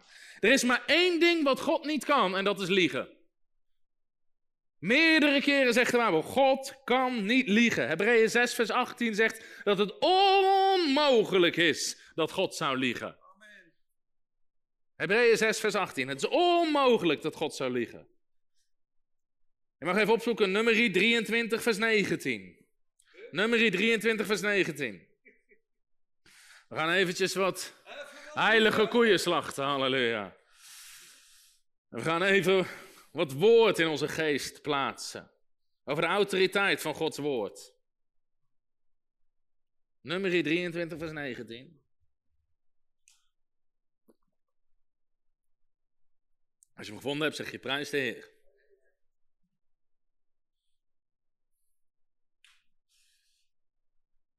Daar staat dit. God is geen man. Anders dan zegt, God is geen mens dat hij liegen zou. God is geen mens dat hij liegen zou. Of een mensenkind dat hij ergens berouw over zou hebben. Zou hij iets zeggen en het dan niet doen? Zou hij spreken en het niet gestand doen? Een andere vertaling zegt, zou hij beloven en het niet vervullen? God is geen mens dat hij liegen zou. Als God iets belooft, vervult hij het altijd. God is een waarmaker van zijn woord. God is een waarmaker van zijn woord. Wat als ik het dan niet zie? Ligt het aan jou en niet aan God? Sorry, mooie kan ik het niet brengen. Weet je wat veel mensen doen? Die geven, willen God graag de schuld geven van dingen. Die willen God graag de schuld geven van dingen. Zoek eens op. Job 40, vers 3. Job 40, vers 3. Job dacht dat ook. Job had geen idee wat er aan de hand was in de geestelijke wereld. En ook Job in zijn uitspraken geeft God de schuld.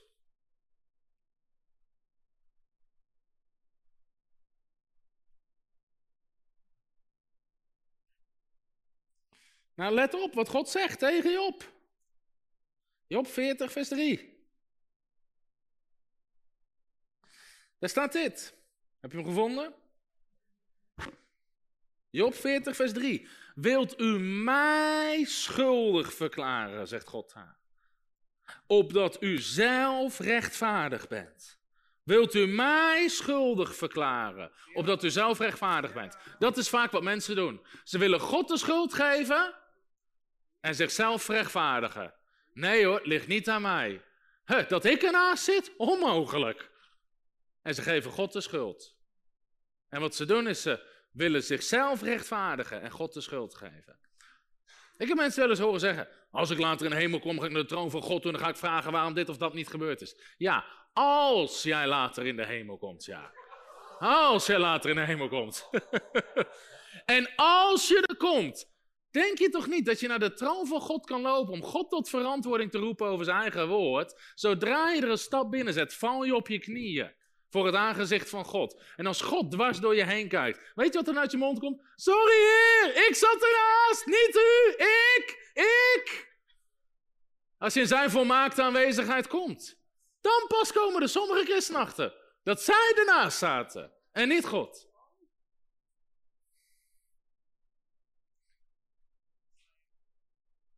Spreuken 30. We zitten toch in het Oude Testament. Job en Spreuken zit vlak bij elkaar.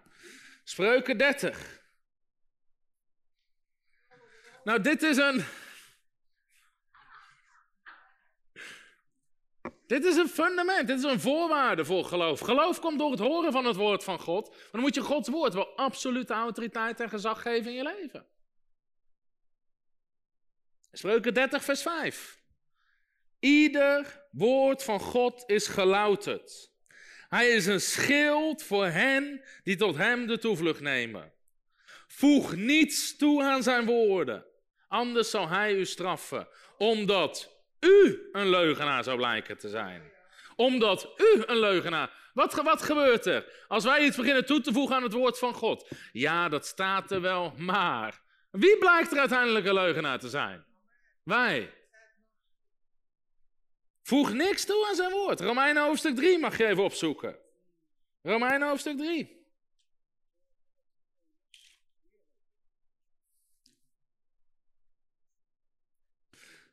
Zo leer je wel je Bijbel kennen. Amen. Dat is de bedoeling van zo'n school. Wat een mooie opmerking hier. Zo leer je wel je Bijbel kennen. Amen. Romeinen 3, vers 4. Daar staat dit.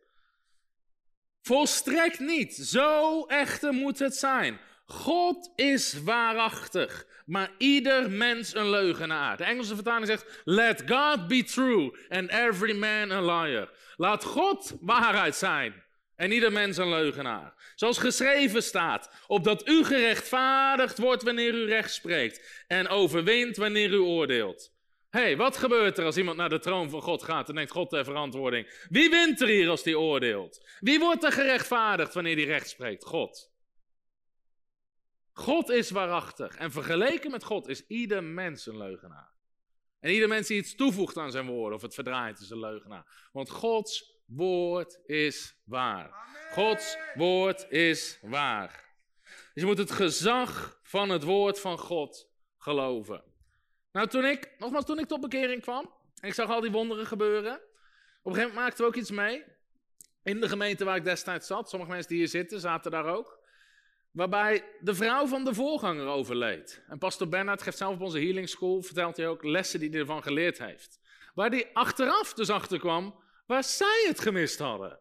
Niet waar God het gemist had, waar zij iets gemist hadden. Maar goed, in die tijd stonden we in geloving, geloof voor genezing, zo goed als kwaad als we wisten. En uiteindelijk overleed ze. En ik weet nog dat ik een bericht kreeg dat ze overleed. En natuurlijk, weet je, er zoiets komt binnen. En toch maakte ik die middag het besluit. Het woord van God is waar. Niet wat ik zie, niet wat ik hoor, niet wat ik voel. De Bijbel zegt, leg handen op zieken en ze zullen genezen. Dat is de waarheid. En dat staat boven mijn ervaring, mijn gevoel, mijn idee, wat ik heb meegemaakt. Het woord van God is waar. En ik heb gewoon letterlijk gezegd, Heer, ik snap het niet. Maar we werken niet met onze snapper. Amen. Ik zeg maar, ik geloof dat uw woord waarheid is. En ik weiger te geloven wat ik hier zie met mijn ogen. Dat het de waarheid is. Ik weet dat het gebeurt, ik weet dat het natuurlijke feiten zijn. Maar ik weiger te geloven dat het de waarheid is. Uw woord is de waarheid. Uw woord is niet veranderd. U bent dezelfde. En ik maakte gewoon de keuze, ondanks dat we het op dat moment niet zagen, om door te gaan met handen leggen op zieken. En ze zullen genezen. En sinds dat moment hebben we zo ontzettend veel wonderen gezien en gezien en gezien. Maar dat zijn momenten waarop je keuzes moet maken. Waar je zegt: Ik snap het misschien niet. Maar het woord van God is waar. En daar valt niet aan te zitten. Dat valt niet te verdraaien. En we gaan niet, ja, maar. Ja, zo dacht ik ooit ook. Maar toen hadden we een voorganger en die overleed. Stop er alsjeblieft mee. Het woord van God is waar. Het woord van God is niet veranderd. Het is niet veranderd. Er staat er nog steeds precies hetzelfde. Wij kunnen wel veranderen. Zegt 2 Korinthe 3, vers 18. Wij veranderen van heerlijkheid tot heerlijkheid. Naar hetzelfde beeld. Wij veranderen naar het beeld van Christus door de geest. Amen. Wij zijn degene die verandert.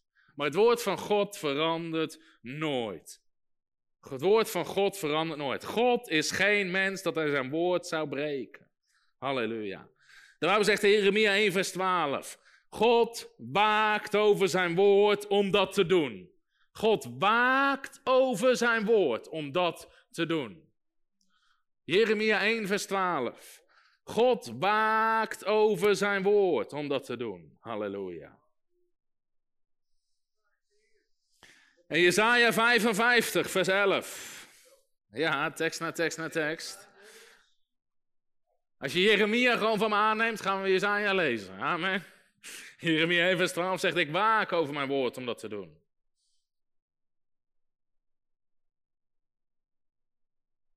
Jezaja 55, vers 11.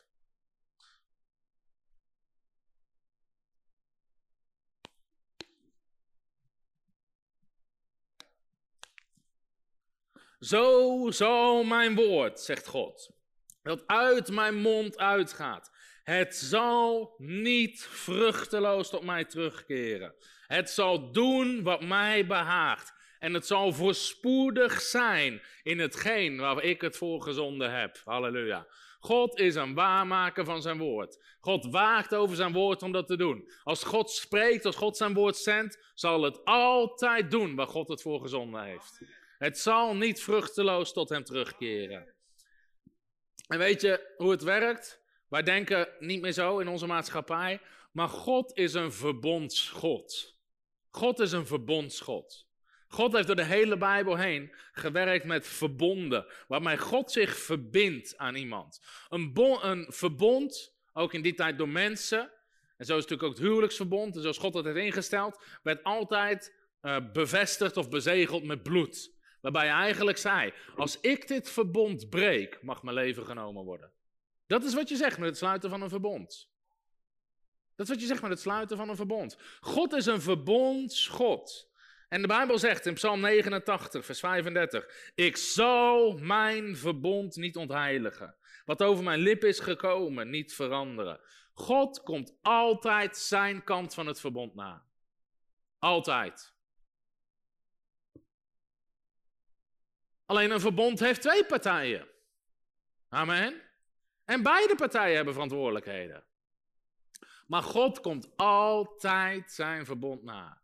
Dus mensen zeggen, ja, dat heeft God wel beloofd in zijn woord, maar zeggen ze eigenlijk, God heeft zijn kant van het verbond verbroken. Dat is wat je zegt. God heeft zijn kant van het verbond niet waargemaakt. Maar God is een verbondsgod. En God breekt nooit zijn kant van het verbond. Voor eeuwig, zegt de Bijbel, denkt hij aan zijn verbond. Voor eeuwig aan de belofte die hij gedaan heeft. Tot in duizend generaties. Psalm 105, vers 8. God is tot in duizend generaties trouw aan zijn kant van het verbond. Halleluja. En onder het nieuwe verbond. Wij leven nog steeds onder een nieuw verbond. Amen. En het goede nieuws is dat de Bijbel zegt in Hebreeën: we leven in een nieuw verbond wat in betere beloftes is vastgezet. Halleluja. We hebben nog betere beloftes als onder het Oude Testament. Als onder het Oude Verbond. Nou ga eens mee naar 2, 2 eh, Korinthe 1 vers 20. 2 Korinthe 1 vers 20. Halleluja. Preaching myself happy. Weet je, een van de mooiste profetieën die ik ooit gehad heb, was een profetie van maar één zin. Waar iemand mij zag en profeteerde. God zegt, jij bent zijn advocaat. You're pleading his case. Amen, dat is wat ik doe. Ik pleit God kant van de zaak. God is een waarmaker van zijn woord. God staat in zijn recht. Amen. 2 Korinthe 1 vers 20, daar staat dit. Immers, zoveel beloften van God als er zijn. Halleluja. Zijn er veel beloftes? Amen. Het hele woord van God staat vol met beloftes. Halleluja. Zoveel beloftes voor God als er zijn. Die zijn in Hem, in Christus. Ja, en in Christus. Amen. Wat betekent zo is het? Tot verheerlijking van God door ons. Halleluja. Alle beloftes van God die er zijn, zijn in Christus ja en in Christus amen. In Christus ja en in Christus amen. Er staat niet nee en misschien. Soms zegt God ja, soms zegt God nee. Nee, God zegt altijd ja. Zoveel beloftes van God als er zijn, zijn in Hem ja. Dat is een goede titel van een preek. God zegt nooit nee. Want God heeft iets beloofd. En hij is geen mens dat hij liegen zou. Hij is geen mens dat hij zijn woord zal veranderen. Hij is geen mens dat hij het zal beloven en niet zal vervullen. God waakt over zijn woord om dat te doen. Gods woord zal nooit vruchteloos naar hem terugkeren. Halleluja. Gods woord is gelouterd. Alle beloftes die er zijn. En er zijn wat beloftes in Christus. Door zijn striemen bent u genezen. Hij heeft onze ziektes gedragen. Halleluja. Dat is een belofte. Over overwinning. God zij dank die ons in Christus altijd doet triomferen. Je hebt de zegen van Abraham ontvangen in Christus. Je hebt autoriteit. Het zijn allemaal beloftes. En ze zijn allemaal ja en amen. Zoveel beloftes als er zijn. Ze zijn ja en amen. Daarom zegt de Bijbel zelfs: hemel en aarde zullen vergaan. Maar het woord van God zal altijd bestaan. Halleluja. Mijn woorden zullen nooit voorbij gaan, zegt God. Matthäus 24, vers 35. Jezaja 40, vers 8 zegt, het gras verdort, de bloem verwelkt, maar het woord van God houdt voor altijd stand. Want God spreekt en het is zo. Halleluja. Dus, daarom lazen we die tekst. Je voegt niks toe aan het woord van God. Je voegt niks toe. Wat er staat, dat is het. Wat er staat, dat is het. En anders krijg je de ja-maars. Ken je de ja-maar-christenen? Als je een tekst voorleest, zeggen ze ja maar, ja maar. Je hoeft alleen maar, dit zou een leuke test zijn als sommigen van ons dit doen. Als je Facebook hebt, ik weet niet hoeveel mensen Facebook hebben. Je hoeft alleen maar Johannes 14, vers 12 te pakken. Waar Jezus zegt, want voorwaar ik zeg, wie in mij gelooft, zal dezelfde werken doen als ik en nog grotere. Je hoeft er verder niks bij te zetten. Geen uitleg. Het enige wat je doet, is je post hem op Facebook. En let op, daar komen de ja maar. Je hebt verder niks gezegd, gewoon een bijbeltekst. En de eerste zegt uh, ja maar, dat was voor de tijd van de apostelen. Uh, ja maar, je moet niet denken dat je, uh, ja maar, ja maar, ja maar, ja maar. Daar heb je ze meteen. Ja maar. En je doet niks, je leest een bijbeltekst voor. Ja maar, ja maar, ja maar. En ze voegen toe en ze veranderen aan het woord van God. En je ziet het nooit realiteit in je leven. Ik heb altijd gezegd, ik geloof dat het waar is. Ik geloof dat het waar is. Ik zal dezelfde werken doen als Jezus en nog grotere. Ik zal dezelfde werken doen als Jezus en nog grotere. En tot nu toe hebben we vier, uit mijn hoofd vier genezingsdiensten gemaakt, meegemaakt, waar mensen, door, waar mensen in mijn schaduw genazen. Jezus heeft dat nooit gedaan, Petrus heeft het wel gedaan. Hetzelfde werk als Jezus en nog grotere. Maar het begint met het geloven van het woord en er niks aan toevoegen. Als ik altijd ja maar had gezegd, had ik dat nooit gezien. Ja maar, ja maar. Weet je, ik hou ervan dat het woord van God duidelijk is. Amen. Net zoals Jacobus 5. Ga zoek eens op, Jacobus hoofdstuk 5. Vers 14 en 15.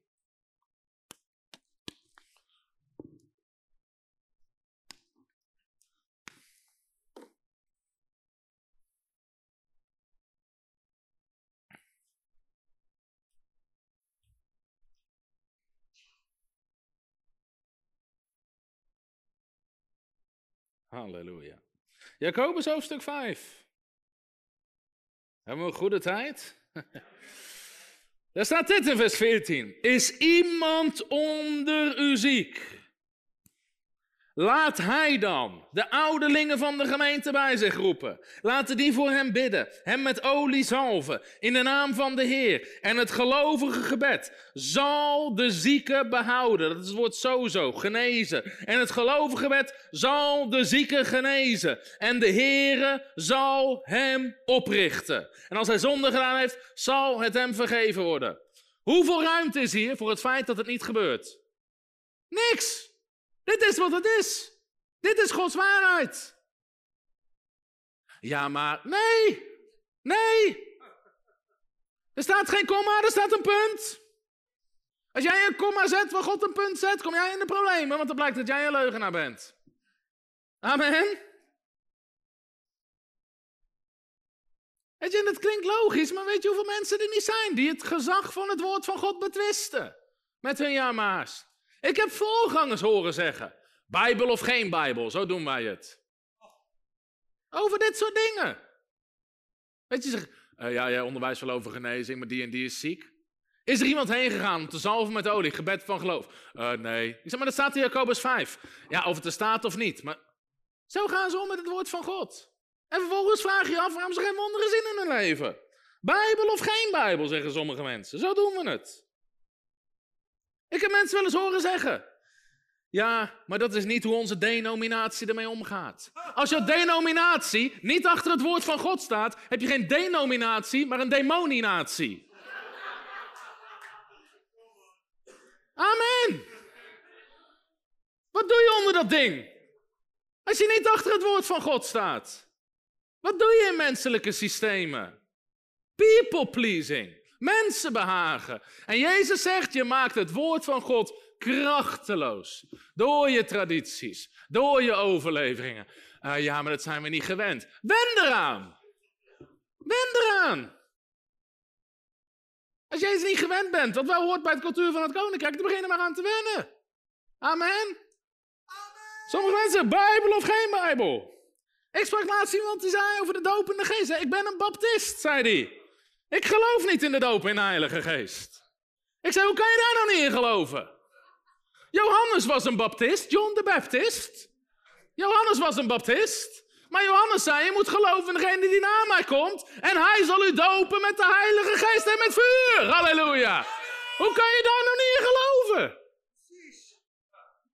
Het staat er toch? Ik kan laatst even zeggen, zo kan je het lezen. Nee, zo kan je het niet lezen, zo staat het er. Zo kan je het lezen. Nee, het staat er zo. Amen. Hou op met zo kan je het lezen.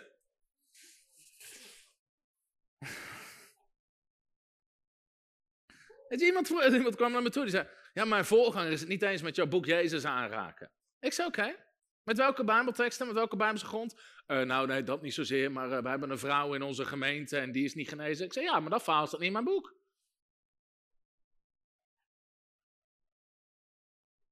Wat is het probleem? Ze schuiven de beloftes over genezing, de waarheid over genezing, zelfs de geboden over genezing, aan de kant vanwege hun ervaring. En ze zetten hun ervaring boven het woord van God. En je maakt het woord van God krachteloos.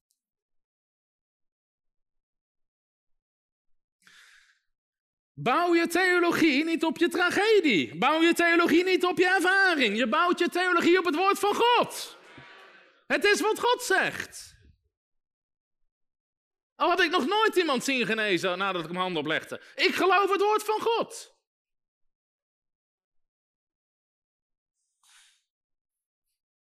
Zo kan je het lezen. Nee, zo staat het er. Iemand had het met zijn voorganger verteld over mijn boek Bidden is ontvangen. En ik laat gewoon zien in het boek, iedere keer als de Bijbel spreekt over gebed, staat er dat je gebeden verhoord worden. Je kan geen één tekst vinden in heel de Bijbel, waar jij zegt bid en misschien zal je het krijgen. Of bid en als je geluk hebt zal je het krijgen. Of bid en kijk maar wat er gebeurt. Altijd, iedere tekst in het Nieuwe Testament belooft ons gebedsvoering wanneer we bidden. En het zijn niet 1, 2 of 3 teksten, het zijn 19 teksten in het Nieuwe Testament. Alles wat u zo bidden in mijn naam. Weet je, diegene zei dat tegen zijn voorganger. En die zei, ja, zo kun je dat lezen. Nee, zo kan je dat niet lezen. Zo staat het er 19 keer.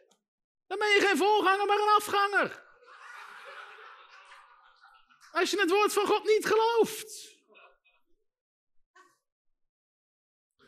Daarom zeg ik altijd, of je laat het woord van God je leven veranderen, of je probeert heel je leven lang het woord van God te veranderen. God is in de business van zijn woord vervullen. Amen. Zit je nog in Matthäus? Zaten we in Matthäus überhaupt?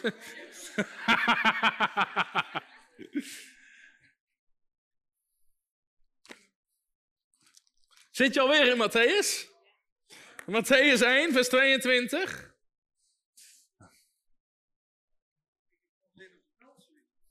Iemand krijgt hier al zin om te dansen. Halleluja. Matthäus 1, vers 22. Nou, dit spreekt over de hele komst van de Messias en het feit dat Christus geboren is uit de maagd. En alles, al dat was al honderden jaren van tevoren geprofeteerd. En dan staat er, en dit alles is geschied, opdat vervuld werd wat door de Heere gesproken is. Halleluja. God is in de business van zijn woord vervullen. Amen. Matthäus 2, vers 15, een paar versen verder. Daar staat hoe ze naar Egypte trokken en al die dingen meer. En dan staat er dit. En hij bleef daar tot de dood van Herodes. Opdat vervuld werd wat door de Here gesproken is. Halleluja. En vers 17, dan komt er weer een ander verhaal over wat er gebeurde. En dan staat er, toen is vervuld wat gesproken is door de profeet Jeremia. En in Matthäus 2 vers 23, halleluja. En toen hij daar gekomen was, ging hij wonen in een stad die Nazareth heette. Zodat vervuld werd wat door de profeten gezegd is. Halleluja. God is in de business van het vervullen van zijn woord. Als God spreekt is het zo. En hij vervult zijn woord. Twaalf keer, zegt Matthäus. Ik heb er een paar gelezen. Twaalf keer, zegt Matthäus, opdat vervuld werd wat door de Heer gesproken is. Matthäus laat zien, God is in de business van zijn woord vervullen. Halleluja. Het woord van God. Geloof komt door het horen en het horen van het woord van God. Als je besluit om te geloven wat Gods woord zegt, niet wat je voelt, niet wat je denkt, zelfs niet wat je misschien geleerd is, gewoon wat het woord van God zegt. Net zoals Petrus in Lucas hoofdstuk 5, waar jij zegt: gooi je net uit. Zegt de Heer, we hebben heel de nacht gevist. Maar vers 5, op uw woord zal ik het net uitwerpen. Op het woord zal ik het net uitwerpen. En hij wierp ze net uit. En ze zaten vol met vis. Halleluja.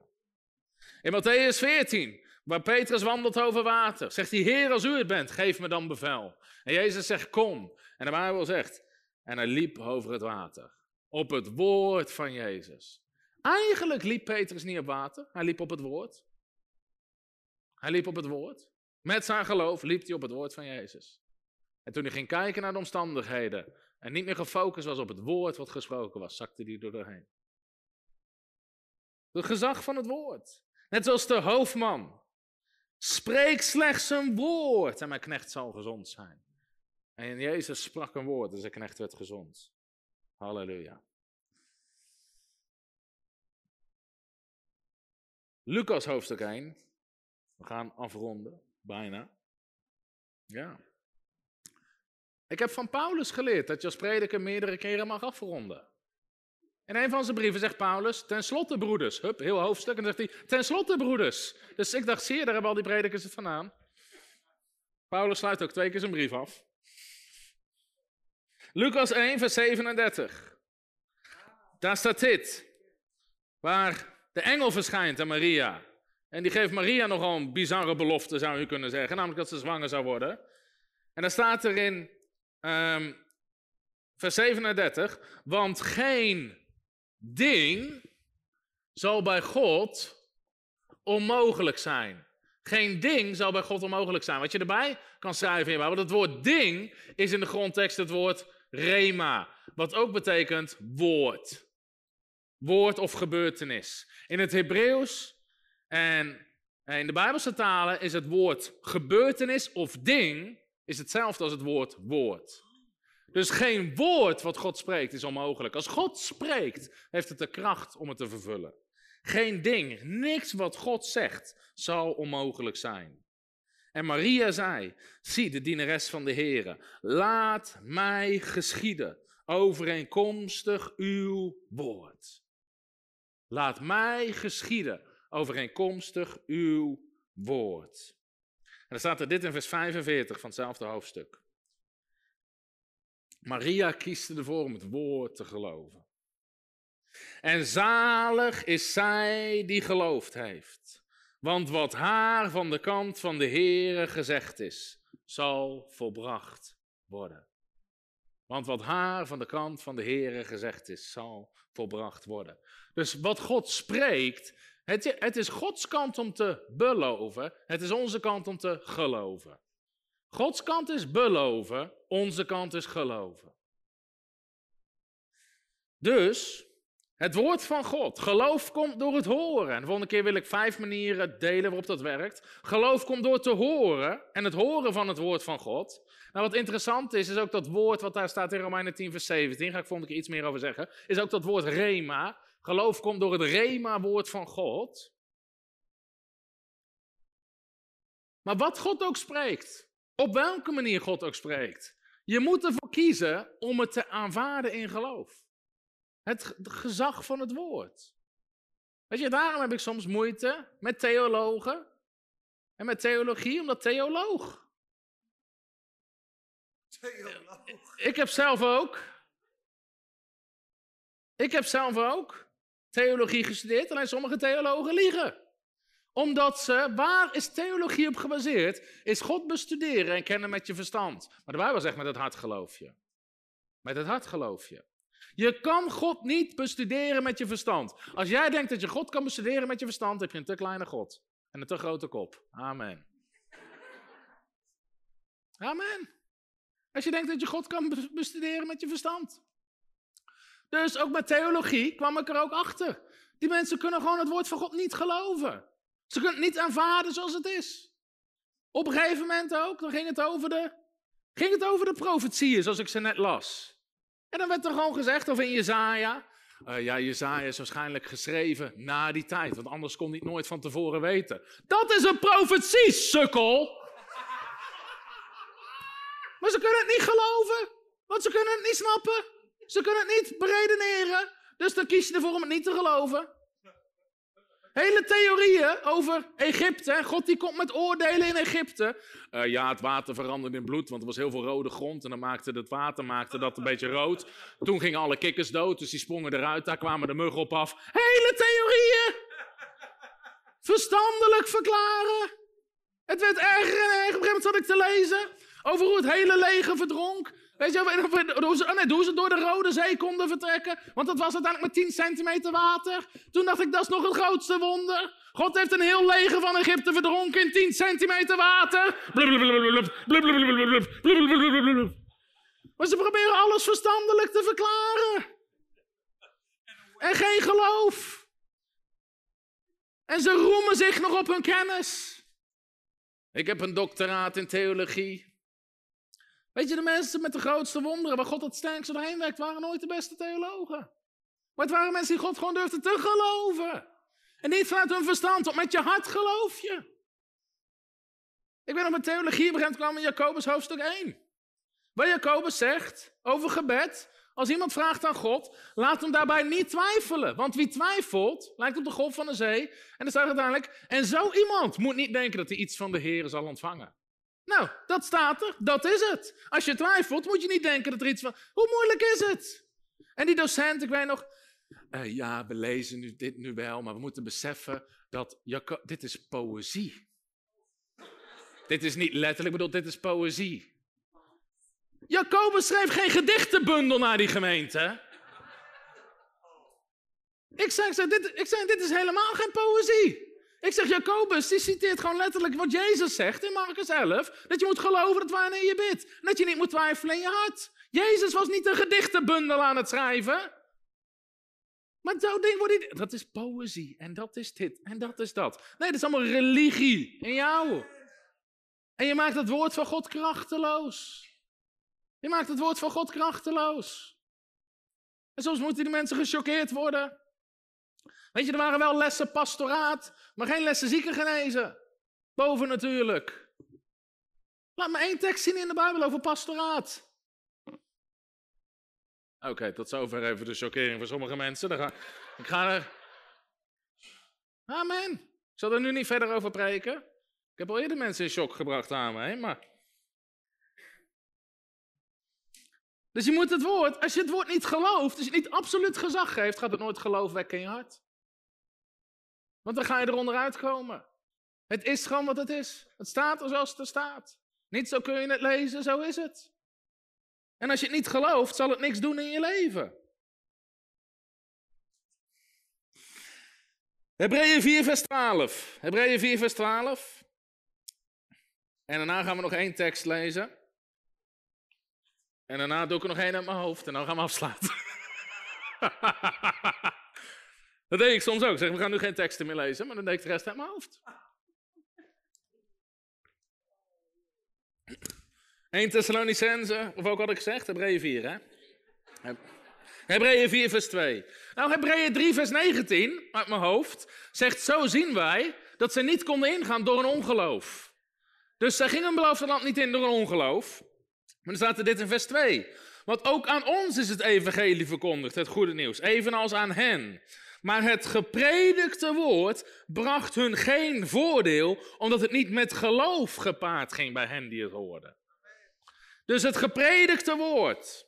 Hoe komt geloof? Door het horen van het woord. Maar het moet wel met geloof gepaard gaan. Mensen moeten ervoor kiezen om het te geloven. Anders brengt het je geen voordeel. Anders brengt het je geen voordeel. Het gepredikte woord bracht hun geen voordeel. Omdat het niet met geloof gepaard ging. Dus als je predikt voor een groep van duizend mensen. Het doet niet bij iedereen iets, omdat het niet bij iedereen met geloof gepaard gaat. Sommige mensen geloven het woord. En het verandert hun leven. En anderen zien het als een fijne theorie, een fijne theologie, een fijne dit, een fijne dienst. Interessant. Mooi stukje kennis en het verandert niks aan hun leven. Mensen die het gewoon poëzie ook, allerlei dingen. Maar het doet iets voor mensen die het gewoon geloven. Het is een verhaal wat ik nu aan moet denken in mijn geest. Ik was ooit in, was, sprak ooit in een dienst en kreeg daar een woord van kennis. Over iemand met een bloedziekte. En er was er iemand en die had, had iemand meegenomen. En die had dat en die genas daarvan in die dienst. En die had weer een kennis, een vriendin die in een rolstoel zat. En ik weet niet precies wat ze had. Maar die, Niet gelovig, in die zin niks met de kerk, geen, niet bekend met doctrine over genezing of zo. En maanden later sprak ik daar in die kerk en die had diegene meegenomen in een rolstoel. Aan het eind van de dienst, ik bad gewoon over de groep en ik zei, nu moet je doen wat je niet kan doen. Nu moet je gaan handelen in geloof. Diegene had helemaal geen religieuze achtergrond of en die stond gewoon op uit de rolstoel. En ik vroeg wie heeft er een getuigenis en die komt heel droog naar voren. En ik merk tijdens die getuigenis gewoon iemand die helemaal niet wedergeboren is. Ja, ik zat er achterin, ik zat er in die rolstoel en toen de, deze meneer zei dat je op me staan, stond ik op en ik ben helemaal genezen. Het gepredikte woord bracht haar voordeel, omdat ze gewoon dacht, ik geloof het, ik doe het. Maar als mensen het niet geloven, brengt het hun geen voordeel. Amen. We hebben gelezen van die Thessalonicenzen, waarvan hun geloof buitengewoon sterk groeide. Hoe kwam dat? Dat is de laatste tekst die we gaan lezen. 1 Thessalonicenzen 2 vers 13. 1 Thessalonicenzen 2 vers 13.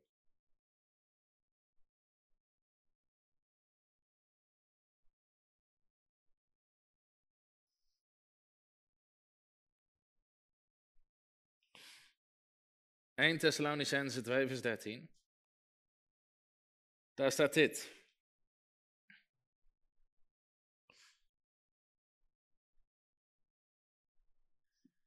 Daarom danken wij God zonder ophouden dat u, toen u van ons het gepredikte woord van God hebt ontvangen, dat is het woord lambano, beetpakken, u het ook aangenomen hebt. Ze hadden het, het woord werd gepredikt, ze hebben het ontvangen. Ze namen het aan. Niet als een mensenwoord. Niet als een mensenwoord. Maar zoals het werkelijk is. Als Gods woord. Dat ook werkzaam is in u die het gelooft. In u die gelooft. Waarom? Hoe kwamen die Thessalonicenzen aan geloof wat buitengewoon sterk groeide? Het woord dat hun gepredikt had, ontvingen ze, namen ze aan. Niet als een woord van mensen, maar zoals het werkelijk is als Gods woord, wat werkzaam is in u die gelooft. Halleluja. Het woord van God is de waarheid. Het woord van God is het meest krachtige wat er is. Het woord van God produceert geloof. En je geloof produceert weer wonderen en al die andere dingen. Maar het begint met het aanvaarden van de absolute autoriteit van het woord van God. Amen. Dus als het gaat om geloofsgroei, zit eigenlijk een soort introductie. Hoe werkt het? Hoe werkt geloofsgroei? We hebben gekeken naar Lucas hoofdstuk 17, waar we eigenlijk drie lessen hebben gezien over geloofsgroei. Namelijk, iedere wedergeboren christen heeft geloof. Je hebt de mate van geloof ontvangen. Je moet je geloof gaan gebruiken om het te vermeerderen. En het gaat niet om meer geloof of groot geloof. Het gaat gewoon om geloof. Geloof en niet twijfelen. En wat is de voorwaarde voor geloof? Is geloof in de absolute autoriteit van Gods woord. Gods woord is de waarheid en staat boven alles. Staat boven alles. En daarom geloof je God met je geest. En vanuit je geest begint de dingen te produceren. Amen. De volgende les wil ik het hebben over vijf manieren echt waarop ons geloof groeit. Vijf verschillende manieren om je geloof te laten groeien. En ook het verschil tussen Rema en Logos. Amen. Ik wil iedereen ook die online gekeken heeft bedanken. Nogmaals, deze week komt het boek uit. Je kan het gewoon gratis bestellen in onze uh, webshop. En als mensen gezegend zijn door het onderwijs en wil partner worden met de bediening, klik even op de link die in beeld komt, die onder de video staat. Of ga naar www.frontrunnersministries.nl. En laten we afsluiten met gebed voor iedereen. Dank u, Vader voor uw woord wat gezaaid is in onze harten. Ik bid dat het honderdvoudig vrucht zal dragen over een ieder die dit woord ontvangt. Of het hier in de zaal is of het online is, Heer. Heer, dat het dieper en dieper binnen zal komen. Heer, we willen gewoon uitspreken, we geloven op uw woord. We geloven dat uw woord de waarheid is en boven al het andere staat. En ik wil ook gewoon iedereen zegenen hier met het feit dat je geloof buitengewoon sterk zal groeien. Dat je geloof zal inzetten, dat het zal vermeerderen. Dat getuigenis na getuigenis zal voortkomen uit deze school. In de machtige naam van de Heer Jezus Christus. Amen en amen. Halleluja. God zegen, wel thuis en tot de volgende keer. Hallo, Tom de Wol hier en bedankt dat je weer geluisterd hebt naar onze podcast. Ik bid dat het je geloof gebouwd heeft en je bemoedigd bent. Als je niet alleen een luisteraar van onze boodschap wil zijn, maar ook een verspreider daarvan, wil ik je uitnodigen om partner te worden van Frontrunners. Door jouw maandelijkse donatie help je ons om dit evangelie van Jezus Christus en het woord van God over heel de aarde te brengen. Om partner te worden, ga naar www.frontrunnersministries.nl slash partners en word partner. Hartelijk bedankt en tot snel. Heb je ook zo genoten van deze inspirerende boodschap van Tom de Wal? Abonneer je dan op deze podcast. Volg ons op Facebook en op Instagram en kijk op onze website frontrunnersministries.nl.